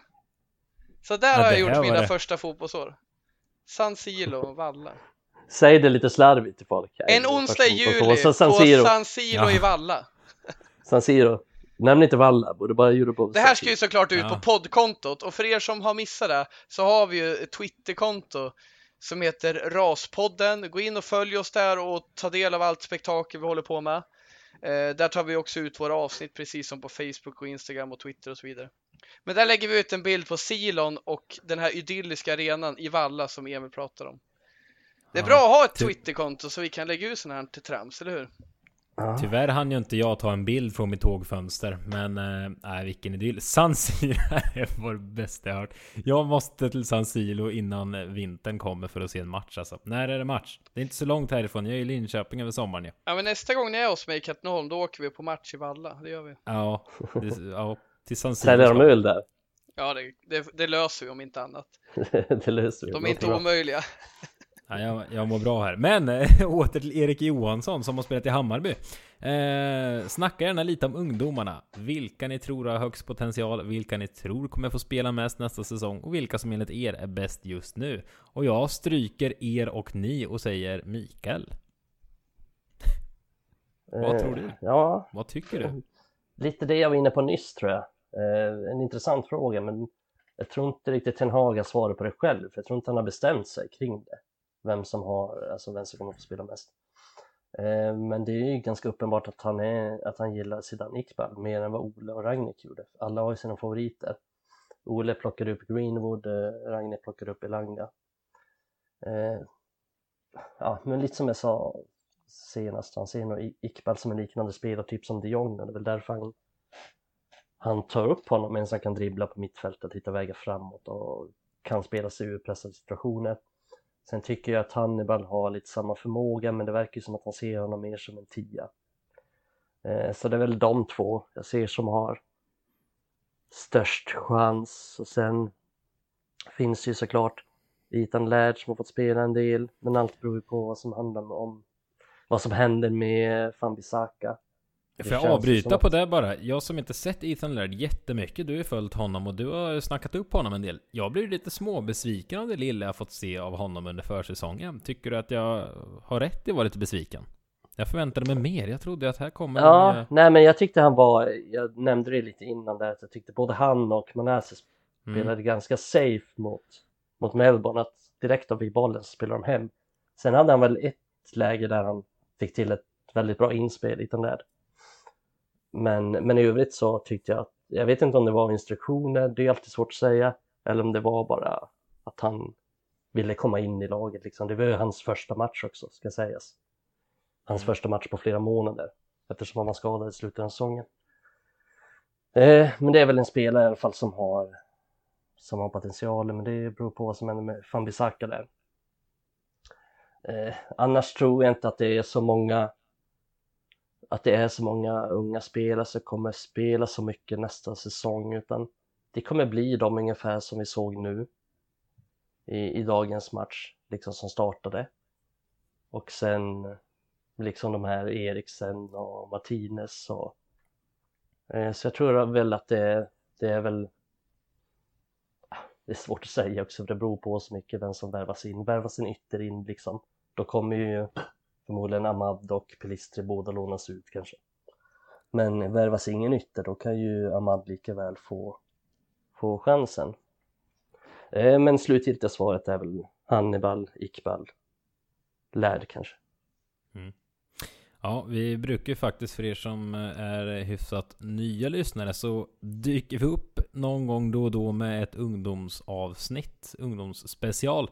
Det lär bli under hösten här också när när det varvats igång så se till att ratta in det avsnittet om ni är sugna på att höra Micke briljera ännu mer om ungdomarna.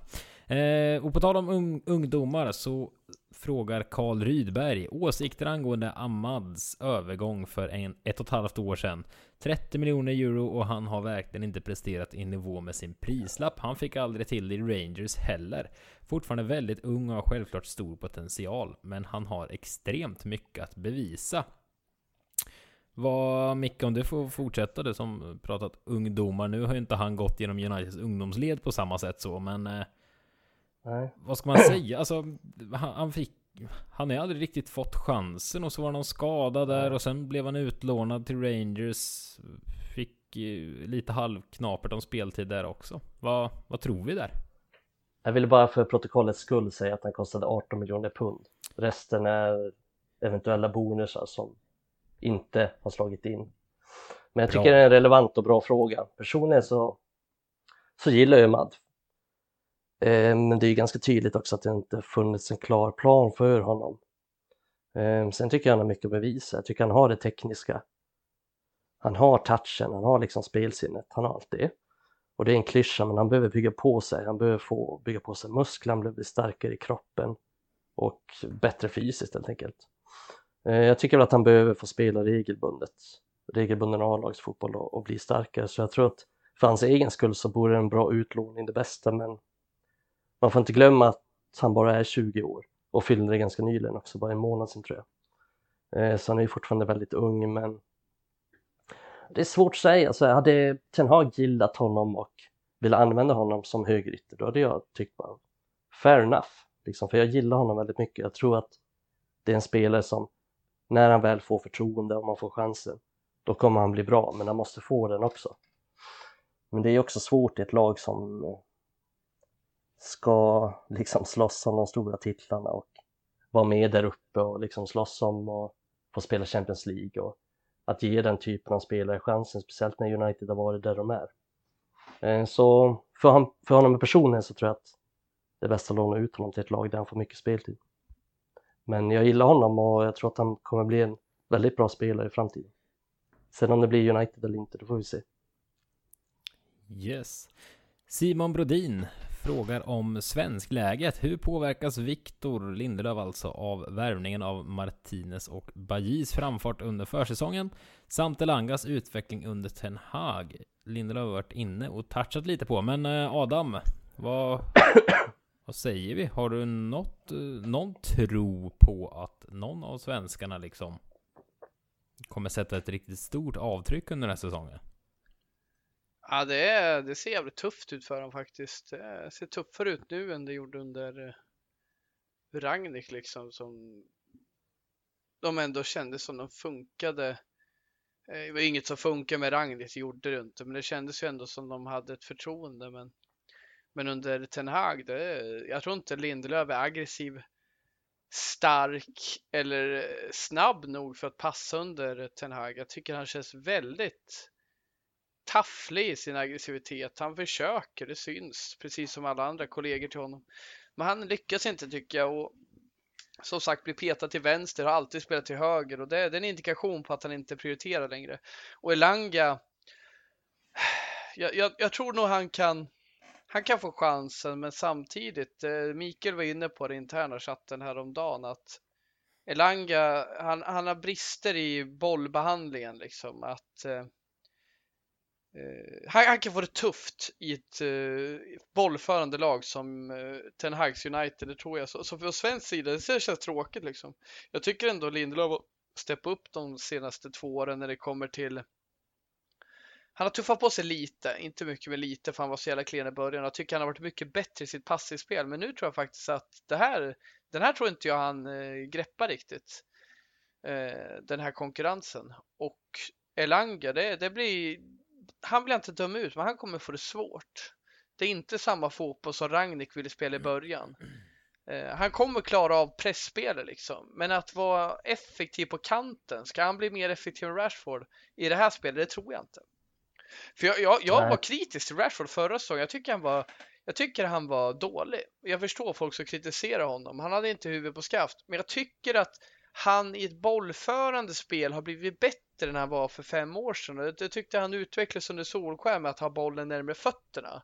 Däremot har han ju tappat och fått någon slags övermod de senaste två åren och liksom ska ta sig förbi varje spelare. Han verkar helt, han verkar som en som en jävla sommarkatt man bara släpper ut och låter vara, liksom tror att han ska lösa det själv. Han behöver ju coachning och jag tror ju att det här kan han få eh, av Erik den Hag, precis som Bruno, och bli bättre fotbollsspelare, bli mer strukturerade fotbollsspelare. Men det är inte till Langas fördel. Han kommer också kunna coachas, men jag tror faktiskt på hans fråga, det blir tufft för svenskarna.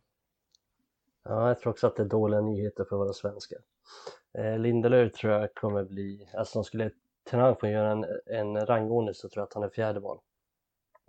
Men i realiteten kanske det är tredje val då varann alltid är skadad.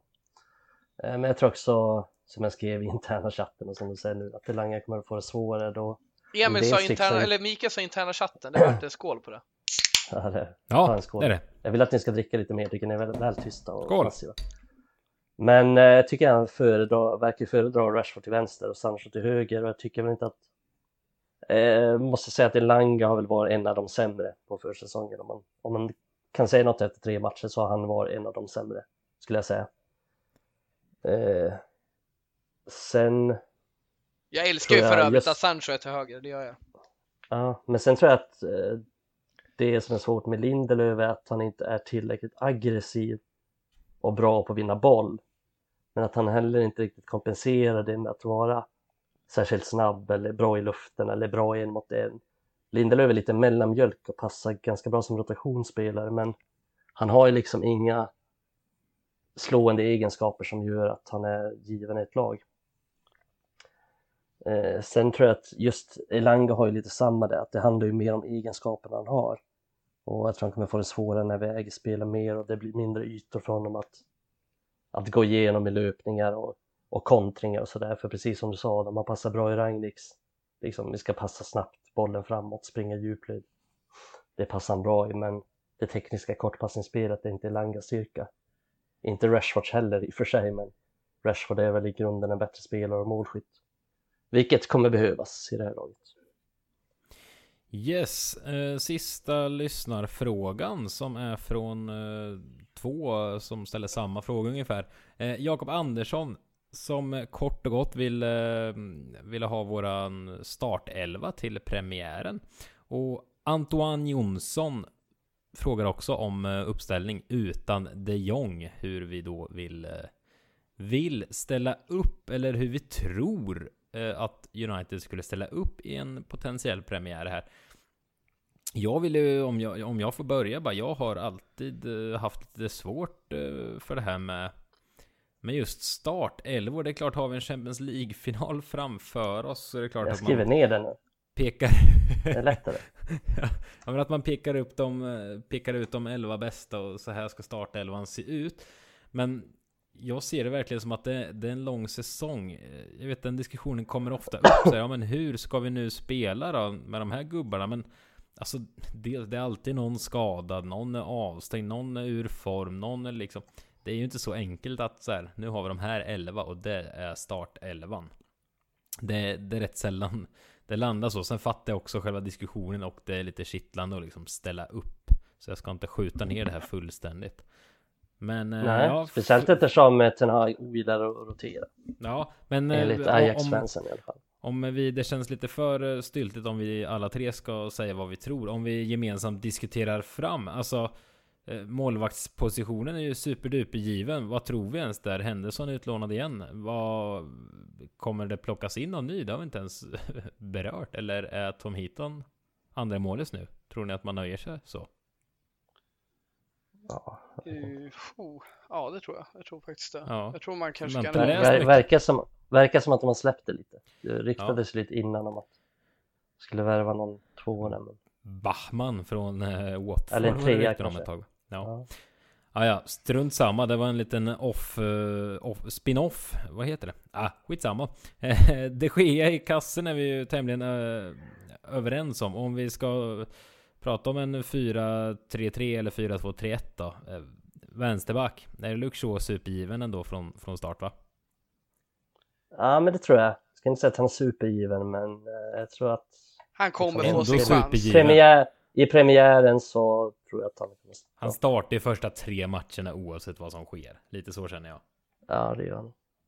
Ja, jag, jag, jag, kan förstå det liksom. Det är ändå hans minsta problem ja, någonstans. Jag, jag, jag mm. sa innan säsongen att jag förvisso ville skeppa han. det vill jag ju för jag tycker han är så jävla lat Den gubben. proppmätte fan eller men, men, men, det är ju samma som jag är kritisk mot Ronaldo, jag är kritisk mot de Gia. Är de våra största problem? Ja, så Nej, så är det ju inte. Men jag, jag, ser ju långt bort. Det som vanligt så funkar jag. tittar alltid långt bort. Jag tittar sällan kortsiktigt. Men så, det är klart att han ska få chansen. Men jag skulle inte bli förvånad om Malaysia liksom. Det skulle vara kul om bara, nej men Malaysia har varit bra på träningen. Jag tycker så. Han behöver steppa upp sitt game. För, för så är det ju med honom. Man vet ju vilken höjd. Och det är min kritik mot Martial till exempel. Man vet höjden. Och Pogba när han var aktuell man vet höjden, då blir man ju så provocerad när de gör så mycket dåliga insatser. Eller medelmåttiga insatser, ska jag säga, i Shaws fall. Och därför oh, tycker ja. jag liksom man ska kritisera dem. Men det är klart, så, ja. Nu blev det långt på vänsterbacken. Nu får vi köra jätte... Håll dig till, ämnet, håll dig till ämnet Alex Telles som vänsterback då? Eller va? Alex Telles va? vänsterback? Eller nej, Alex Telles mittback kanske? Alex Telles och Will Fish mittbacken. Ja. Nej vars, Luke Shaw vänsterback, sen eh, ja, Martinez, eh, nu har inte ens sett honom i en United-tröja. Han kommer starta. Ja, han kommer ju starta som, som vänster mittback. Eh, det känns supergivet. Ihop med Maguire, väl? Även om Varann skulle ramla in här och vara hel i en månad. Eller en månad, Ja. det är fan premiär om två veckor. Ja, nej, det känns ju som att det är Maguire, men det är lite intressant så här vad som händer med varann för att han är ju alltid skadad. Och eh, man får inte känslan av att Ten Hag liksom supergillar honom mycket. Så här, för jag tänkte på det redan mot Liverpool-matchen där att både han och Lindelöf hade det ganska svårt så här i men de är inte så bra på att komma högt upp och vinna bollen tidigt och sen tycker jag inte Varann har så bra fötter heller. Eh, och sen plus det att han fortsatt ger kaptensbindeln till Maguire får mig att tro att eh, han ser Maguire och Martinez plus att han spelar Maguire till höger också. Att han ser dem som mittbacksparet. Och jag Så tycker det, det, det känns, känns, bra. känns så just nu. Ja, får vi faktiskt- se hur det blir. jag är Men det inte- känns jag- okej. Jag är inte så Vill han det, för vill han det, då litar jag på det. Jag tror Det är så jävla svårt år. och vi har ingenting, vi har ingen som helst anledning att misstro honom just nu. Nej. Eh, högerback då, är vi överens om att eh, trots allt blir Diogo Dalot som eh, blir första valet där från, från start. Det är ju pest eller kolera, men AVB har ju liksom, han har ju ingen plats rent taktiskt i, i Ten Hags lag. Och, och Nej, men jag han håller, gör ju inte tre på foten, det har vi pratat om. Det är ju, Så är det det är ju. det är ju ett par han klövar. hör ju hemma i det är Burnley. inte ett Liksom. par fötter. Jag var tvungen att säga Burnley, så jag får chans att säga Burnley. Men eh, Tråkigt att de är ute ur Premier Är det League, ska sägas. Mi- Mikael nämnde i början på det avsnittet om Dalot, jag håller med honom i hans egenskaper att passningsspel är ju någonting han ha- har gett en förtjänst till de tränarna haft. Han, han är liksom trygg med bollen vid fötterna, han kan passa. Eh, han kan slå lite längre bollar som jag tyckte jag gjorde ganska bra under våren faktiskt. Jag imponerades över att han eh, kunde hitta lite spel i djupet. Men Kan driva upp bollen och han har ju det defensiva problemet. Det har inte AVB, så de har olika förtjänster de här spelarna. Men AVB liksom Grejen blir ju i Ten Hags spel så blir det mer centrerade ytterbackar och de blir ju en del av spelet. Det ska liksom, när Dalot får bollen, då får man ju liksom titta, shit, det är Dalot. För det är så onaturligt att se en högerback så centrerat att om ni fattar vad jag menar, man är liksom inte van vid det. Så, ja, det är Dalot. Men hade man sett AVB då hade man inte behövt dubbelkolla för man ser ju redan när han tror mot bollen att han inte kan det. Men Dalot kan ju suga in den och spela vidare. Och då spelar det ingen roll om det är han eller en mittfältare, en anfallare som har bollen. Han, är tillräckligt trygg för att det ska bli en hyfsad eh, distribution. Men det kan inte AVB ha, så liksom hur vad vi än tycker. Jag kan tycka att AVB är en bättre ytterback än eh, Dalot, det tycker jag. Men Nej, inte i Erik han Ten Hags spel. I Erik Ten Hags spel så tror jag, jag ser ingenting som AVB ska bidra med. Nej, jag ser faktiskt inte ens hur han... Men när Nej. verkligheten kommer sen, när det blåser snålt och det är veckomatch och Dalot har en snabb ytter, fy fan jag har fortfarande mardrömmar efter den här Villarreal-matchen när Dalot blev frånsprungen. Det kommer bli en jävla issue. Det blir vår alltså. största issue den här säsongen, för vi kommer förstärka mittfältet. Men högerbacken, det kommer bli vår grej. Och där har jag snackat om i den interna chatten, som vi gärna pratar om, att jag hellre ser att vi ger chanser till Lärd. Sen kan man tycka vad man vill om honom, men jag tycker att han har större potential än Dalot. Dock Men han är inte ju lika inte mycket fullärd erfarenhet. heller, det har vi pratat om Nej, också. men- men för att bli fullärd- Sverige, då måste han få spela. Eh, Ja. men i den här frågan, förlåt jag Men spårar de iväg. har ju inte varann Dalot heller. ska vara till höger för uh, AVB. Eller ska Ja. Lindelöf vara högerback? Vi är svenskar, ska vi inte hitta en plats åt Lindelöf? Ja, Han kanske ska vara Det är det här det är också. Ja men Elanga kan ju vara högerback. Han är Ja. ytterback i grunden. Ja. Ja, jävlar. Vänsterback Men, eh, för De Hylje. Ja, men Dalots eh, speed på högerbacken och så kommer Maguire innanför där eh, Adam. Det... Ja, det kan gå undan. Ja men det är många lag som har defensivt dåliga ytterbackar. Hur jävla bra defensivt är Trent Alexander-Arnold. Ja, Nu nej, går vi men- vidare. Ja, det gör vi. Eh, där har vi backlinjen klar i alla fall. Ethan Laird förresten. Eh, superreserv oavsett eh, vad. Han ska alltid eller? spela. Okej. Han ska alltid spela. Ja, men vad skönt. Oavsett lag, oavsett position. Vem? Ethan Laird. Ja. Starta Älskar honom. nu när det Han, är, han har ju någon jävla... Laird Han kommer ta över någon show på MUTV. Han gick ju runt med kameran där och... Jag har inte och- sett Han den. Jag såg att så du skrev det i den alltså. interna chatten. Ja, rolig kille. Ja. Men han, eh, han är ju väldigt karismat, karismatisk, sätter stort avtryck både i Swans, eller framförallt i Swansea och i MK Dons med sin personlighet. Eh, om vi flyttar upp till mittfältet här med våran, eh, våran troliga startelva. Fred McTominay, Nej men eh, jag, jag tycker verkligen att Fred känns supergiven. Vi var inne på det tidigare i, i avsnittet. Håller med där. Alltså oavsett vad som kommer in. Även om de Jong kommer in så jag ser inte att Fred ska, ska stå utanför en startelva. I första matchen. nej, Gör ni det? nej. Nej, jag tror han startar oavsett vad faktiskt. Ja. Ja, med är- tanke på materialet vi har så ja, det... Jag ser ju gärna att vi testar mot Brighton. Jag ser faktiskt att vi testar Fred och Eriksen på centralt mittfält. Jag gör det. Mm. Mm. Tror du att vi jag är gör också det lite också? inne på det. Ja. Jag har skrivit ner det, så jag är Ja, lite jag, inne på det jag, jag tror verkligen inte att... Jag ser inte riktigt vad, vad Ten Hag skulle gilla hos McTominay. Men, men, men vad Van Bissaka ska bidra med. Jag ser inte vad McTominay ska bidra med till heller. jo, vi, vi, alltså, kan, bi- vi nej. kan säga... Men ändå om- startar han om, de om, här tre vi, om vi gillar Ja, McTominay är nu och vill hitta konstigt. hans, hans eh, fördelar så kan vi säga att han kan springa långt, han kan kämpa, han kan vinna nickdueller. Men lyssna nu, det är Ja. inte skitviktigt att vinna dueller mot Brighton. Det kommer bli ganska förhållandevis lite dueller mot Brighton. Däremot så är det viktigt att stå rätt och där har ju Eriksen en större erfarenhet och en smartness Ja, visst. som inte McTominay har. Så om vi ser nykter på det. Men hade det varit Burnley, nu fick jag chans att säga Burnley, förlåt. Men om vi möter eh, Burnley eh, på San Nottingham Siro. Forest i första matchen, då kanske det inte är lika, lika känsligt att man inte har smarta spelare på mittfältet. Då kanske det mer fordras kraft och, och springmeter. Så, så jag, jag, jag är inte rädd för den chansningen, det är jag inte. Sen, sen får vi se vad det blir. Men jag gillar tanken med Fred där, för, för vi behöver någon som löper över stora ytor, det behöver vi. Vi behöver någon med defensivt mindset och det har ju Fred oavsett om han är sittande eller tvåvägsspelare så kommer han alltid jobba. Han har ju lungorna liksom. Men jag, jag tror ju en, en skillnad eh, om man ska jämföra Ten Hag mot Solskär. Alltså Solskär som vi ändå hade under lång tid här. Ragnik får inte vara med. Eh, alltså Honom man är vi avhandlat klart. Ja, nej men ja. Men när man möter ett Brighton. Eh, skillnaden tror jag då, alltså ett bollskickligt Brighton som gillar att ha boll och trilla boll. Då gick ju Solskär in med, med taktiken att åh herregud, vi måste ha Fred och McTominay som ska liksom eh, vara destruktiva här och, och förstöra för Brighton. Jag tror att Ten Hag snarare då tänker att då måste vi få in Eriksen som också är duktig med boll så vi kan matcha deras bolltrillande. Ja. Det är jag ganska övertygad om och det gör mig ännu mer övertygad om att vi inte ser McTominay ihop med Fred i första matchen. Utan jag, jag Ja, men när vi blev överkörda mot Brighton, då dog vi på centralt mittfält. Vi var helt Ja, Mm. överkörda där. Vi behöver tänka om. Ja.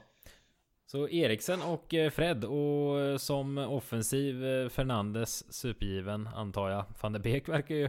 Lite intressant ändå. Många tänkte ja nu kan van de Beek få nystart här med sin gamle tränare.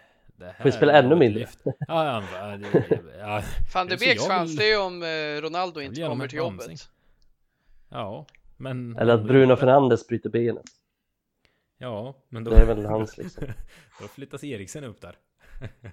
Ja, men då... Och Hannibal och... Ja, herregud. Ja, det är lite synd, synd om honom Och sen har vi det det Fred och Men- McTominay på centralt mittfält. Ja, nej, fy men fan.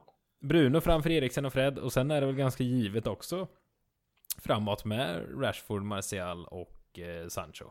Eller? Ja. Ja, som det ser ut Nej, men det, det är tydligt tycker jag. Det är tydligt tycker jag. Han har ju startat med...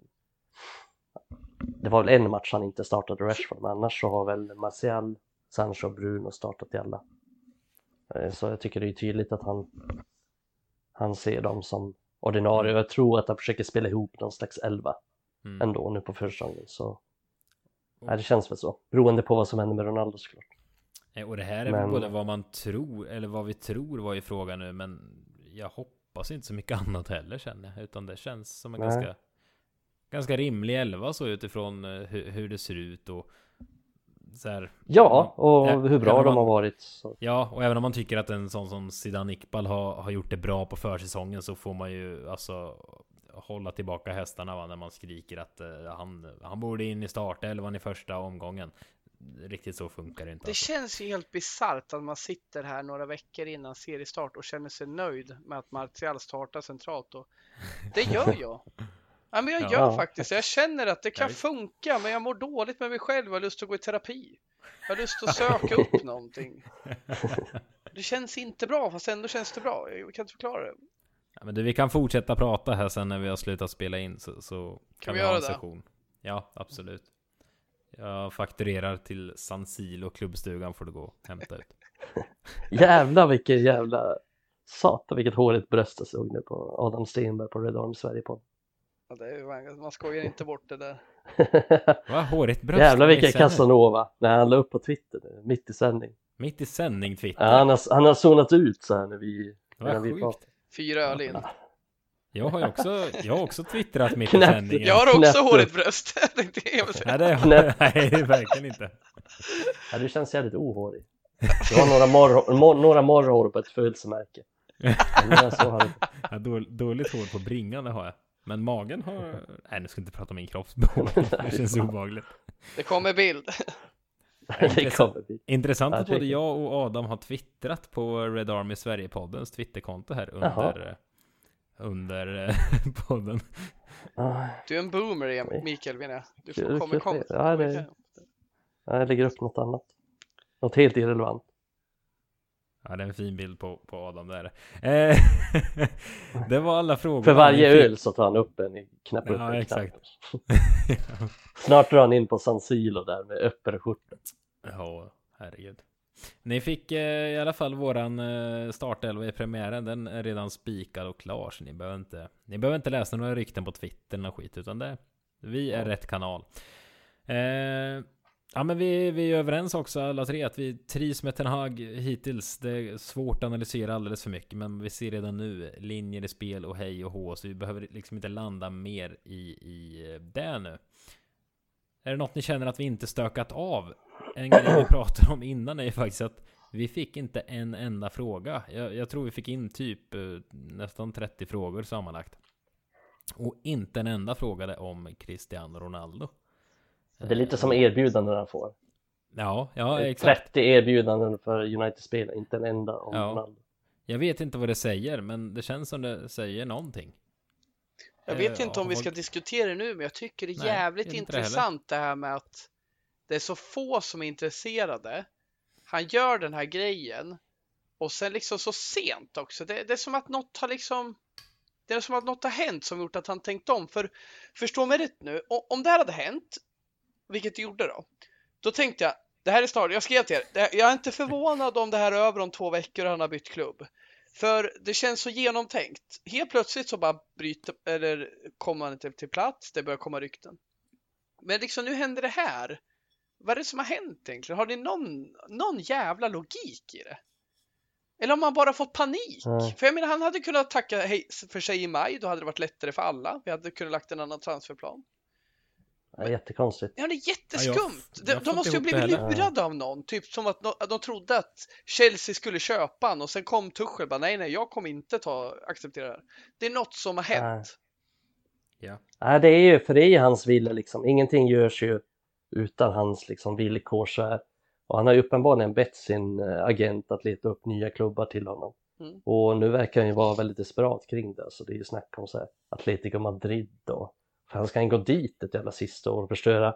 Då förstör han både sin legacy i United men också i, i Real Madrid. Så det är Mm. jävligt märkligt val. Men han verkar helt besatt av att han ska få spela i Champions League. Liksom mjölka ur de här sista de här sista åren han har kvar.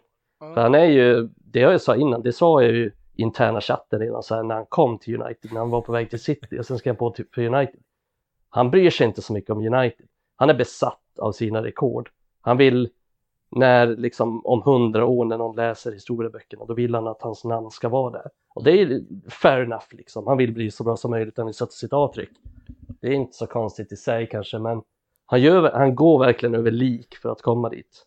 Det, Och han det- bryr sig inte vem han liksom sårar, vem, vem han vem han gör det för, för jag tror inte att han det är klart, jag tror att han gillar United, så han gillar United, han uppskattar framförallt tror jag han uppskattar Ferguson och United som klubb att de gav honom chansen då när de gjorde det.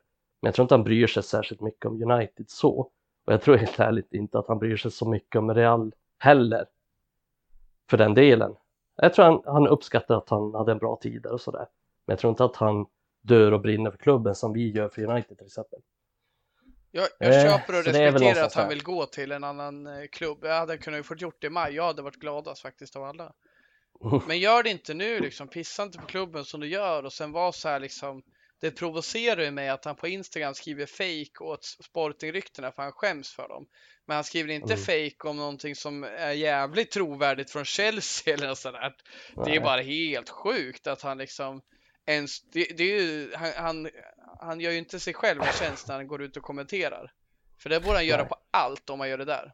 Men det han säger det där, så jävla- det han säger där, det är att det är fake när det ryktas om Sporting. Men det som ryktas om eh, Bayern och Chelsea, det är inte fake. Så tolkar jag det. Och så borde man tolka det så som man agerar. Nej, det är ju inte fake att det ryktas liksom. Det är ju det är liksom väl dokumenterat att de har haft samtal med Chelsea, de har haft samtal med Bayern, men sen är det väl så att Chelsea framförallt i alla fall konkret har sagt nej. Sen vet jag inte helt säkert hur det blir med Bayern. Där är väl, finns det väl fortfarande någon liten ingång, men det är svårt att se att Bayern går efter honom.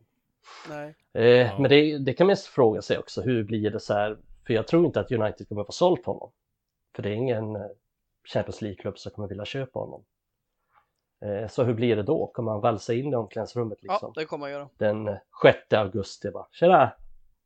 Här är jag, nu ska jag in i laget. Vad gör Erik Ten Hag då? Ska liksom bara in med honom direkt från start? Gud vad jag hade garvat om man skickar honom på läktaren och han får sitta där under hela augusti september. Jag vill krypa till korset här i alla fall känner jag. Alltså ja, jag imiterade inte Ronaldo nu. Jag hade en mycket svag period här i våras där United var den sämsta laget i hela världen. Jag tyckte att Cristiano Ronaldo, han sprang i två, tre matcher. Och jag sa då att jag tycker vi ska ha kvar Ronaldo. Adam, du stod på dig och tyckte att jag var dum i huvudet. Och jag är med dig nu. Jag var dum i huvudet. Jag föll där ett tag. Alltså jag är så trött på den där karln alltså. Det är en egoistisk jättebebis som ni är inne på. Han skiter fullständigt i United. Han skiter i Real Madrid. Han bryr sig bara om sitt stora ego och sina. Alltså, Men han kan ju om- inte ens ta och bli utbytt. Nej, kan exakt. inte ens ta alltså, det. jag är så trött på dem. Jag har ju, jag, det här låter som en efterhandskonstruktion, men jag tror jag har sagt i poddavsnitt tidigare också. Det kan folk som känner mig väl skriva under på att jag har alltid haft ganska svårt för Ronaldo. Alltså såklart när han slog igenom United, det är klart man liksom herregud vad bra han är och så vidare och så vidare. Men jag har alltid haft lite svårt för för honom. Allt, ja men ja, allt. Allt runt omkring och på plan. Ja. Men jag tror Alltså, det kommer det- bli svårt för United också. Så här, säg att han ska in i laget och spela, vad fan händer då? Ja, nej men jag är, jag är så satans Hur ska han då kunna Alltså, jag- sätta? Erik Ten Hag sa ju någonting så här bara. Jag vill pressa, jag vill att vi ska pressa hela jävla dagen, hela kvällen. Vi ska pressa högt, vi ska göra allting.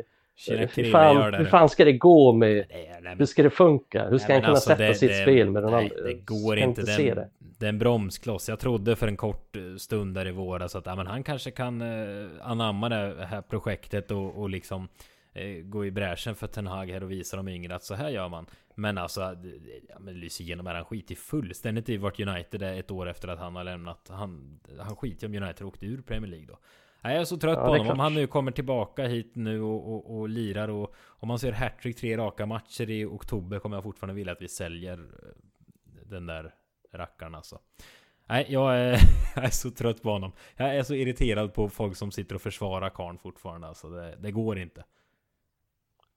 Usch! Mygga av Ronaldo. Det... Mikael, Nej, det- jävel. Ja men alltså, säger någonting också. Hamnar i desperat läge. Det är ingen, det är ingen som vill ha honom längre. Han, han börjar Nej, bli Fan vad, avdankad. vilket jävla platt fall alltså. Han Det börjar är bli bara, nu avdankad. jävlar ska vi... Nu har jag smält in 25 bollar. Ja, fan? Och han, han, nu jävlar ska vi hitta en ny klubb. Så Ja. ingen som vill ha. Han har inte panik för att han Fan, inte får spela skämmigt. fotboll. Han har ju panik för att, att hans ego blir sårat nu och så här folk ska Ja, på honom och jävlar vilken turn där mot hans ego nu. Det vattnas måste i vara jobbigt på för honom. Fan vad trött jag är på honom. Ja, där fick ni höra min ställning. Skönt Adam, att är höra att ni har vänt på er från i våras. Ja. Jag bara sitter och njuter. Filar naglarna. Ja, det har vi verkligen. Fila naglar med en katt i ditt håriga Det är bröst. som en jävla maffiaboss liksom. Sitter och bara Ja. Ja, en cigg. To- Tony Soprano. Ja. Röker Nej, in hörni, morsan vi, och eh, farsans eh, gästrum. Vi har slagit eh, rekord med hästlängder tror jag i hur långt det här avsnittet blir. Hoppas att ni som lyssnar uppskattar med en, ett långt premiäravsnitt för den här Vi var tvungna att ta igen. säsongen. Ja, vi tyckte att ni var värda Ja. det efter ett sådant uppehåll och att ni kan njuta av dessa Ska vi sommardagar. skylla på det? Ska vi skylla på det? Ja, men det bara fanns ju mycket att prata gaffla? om. Det fanns ett upptempo. Vi är lite som. Ronaldo så här. Vi är Ja. lite som Ronaldo, vi säger att det är för deras skull vi gör så här två och en halv timme. Men egentligen, det är bara för att vi vill göra det. Vi satt här och svettades i över två timmar för Ja. skull kära lyssnare. Det ska ni veta. Mm. Vi ville Hur egentligen skulle vi komma fram till något? Hur skulle vi komma fram till något att snacka om? Ja, herregud. Nej, Men det är kul hörni, att ni gillar det. Ja, säsongen drar ju faktiskt igång. Alltså det är ju Adam, du sa om några veckor förut faktiskt tänkte jag på under avsnittet här. Men alltså det är typ 11 dagar kvar eller något till vi lirar mot Brighton. Väl? Mm. Jävlar. Nej, vara mer än så. Är det det? Det är ju den eh, sjätte eller sjunde, åttonde va? Det är ju Förlåt, förlåt. där. Jag har, eh, jag, jag Så räknar en vecka rätt. snett. Ja, jag räknar en vecka snett. Gjorde Tre veckor det eller? Typ. Är lite mos i huvudet. Den matchen ser vi tillsammans Emil. Två veckor och fem dagar, kan man säga så? Eh, ja, den, eh, den matchen ska vi se i eh, Nueva Estocolmo va? Ja, precis. Har vi sagt. Ja, det blir. Micke får inte vara med. Nej, det Nej. ska jag inte göra. Nej, någon får lösa ett privatjet åt eh, Mikael Krekula. Nej, det är... jag ska vara i Karlskrona den här så då Gud vad roligt. ska jag tyvärr dissa er. I Ja, ja, ja. Blekinge alltså, fy fan. Ja, Mm, det, med Oskar, vår kollega. jag skulle säga att det är ett, eh, ett, Som av bor där.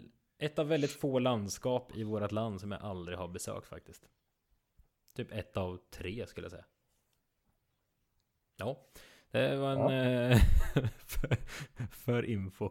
Noterar Eh, här. Ja, exakt. Eh, vi, vi får se när nästa avsnitt landar. Det säsongen är inte igång, så det är inte riktigt så här att vi släpper ett avsnitt eh, ofta måndag, tisdag brukar det ju vara för er som är nya. Men det, det kommer börja droppa in avsnitt här allt, allt eftersom vi närmar oss i alla fall.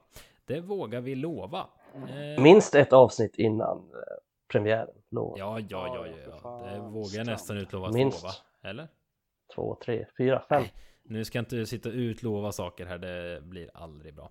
Men eh, vi hörs och ses i alla fall. Och som Adam var inne på förut, missa inte vårt eh, poddkonto på Twitter. Det är eh, topp 8 bästa konton vi har på Twitter skulle jag hävda.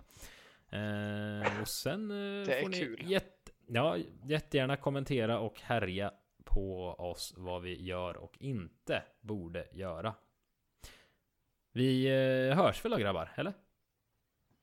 Ja, Det gör. vi. gör vi. Ja, ja. Jag vill införa till den här säsongen att ni också Vi säger hej då i podden. För jag får alltid säga hej då och sen blir det tyst. Det Ja, ja, det kanske vi gör då. Säger du. Tack och hej. Hej.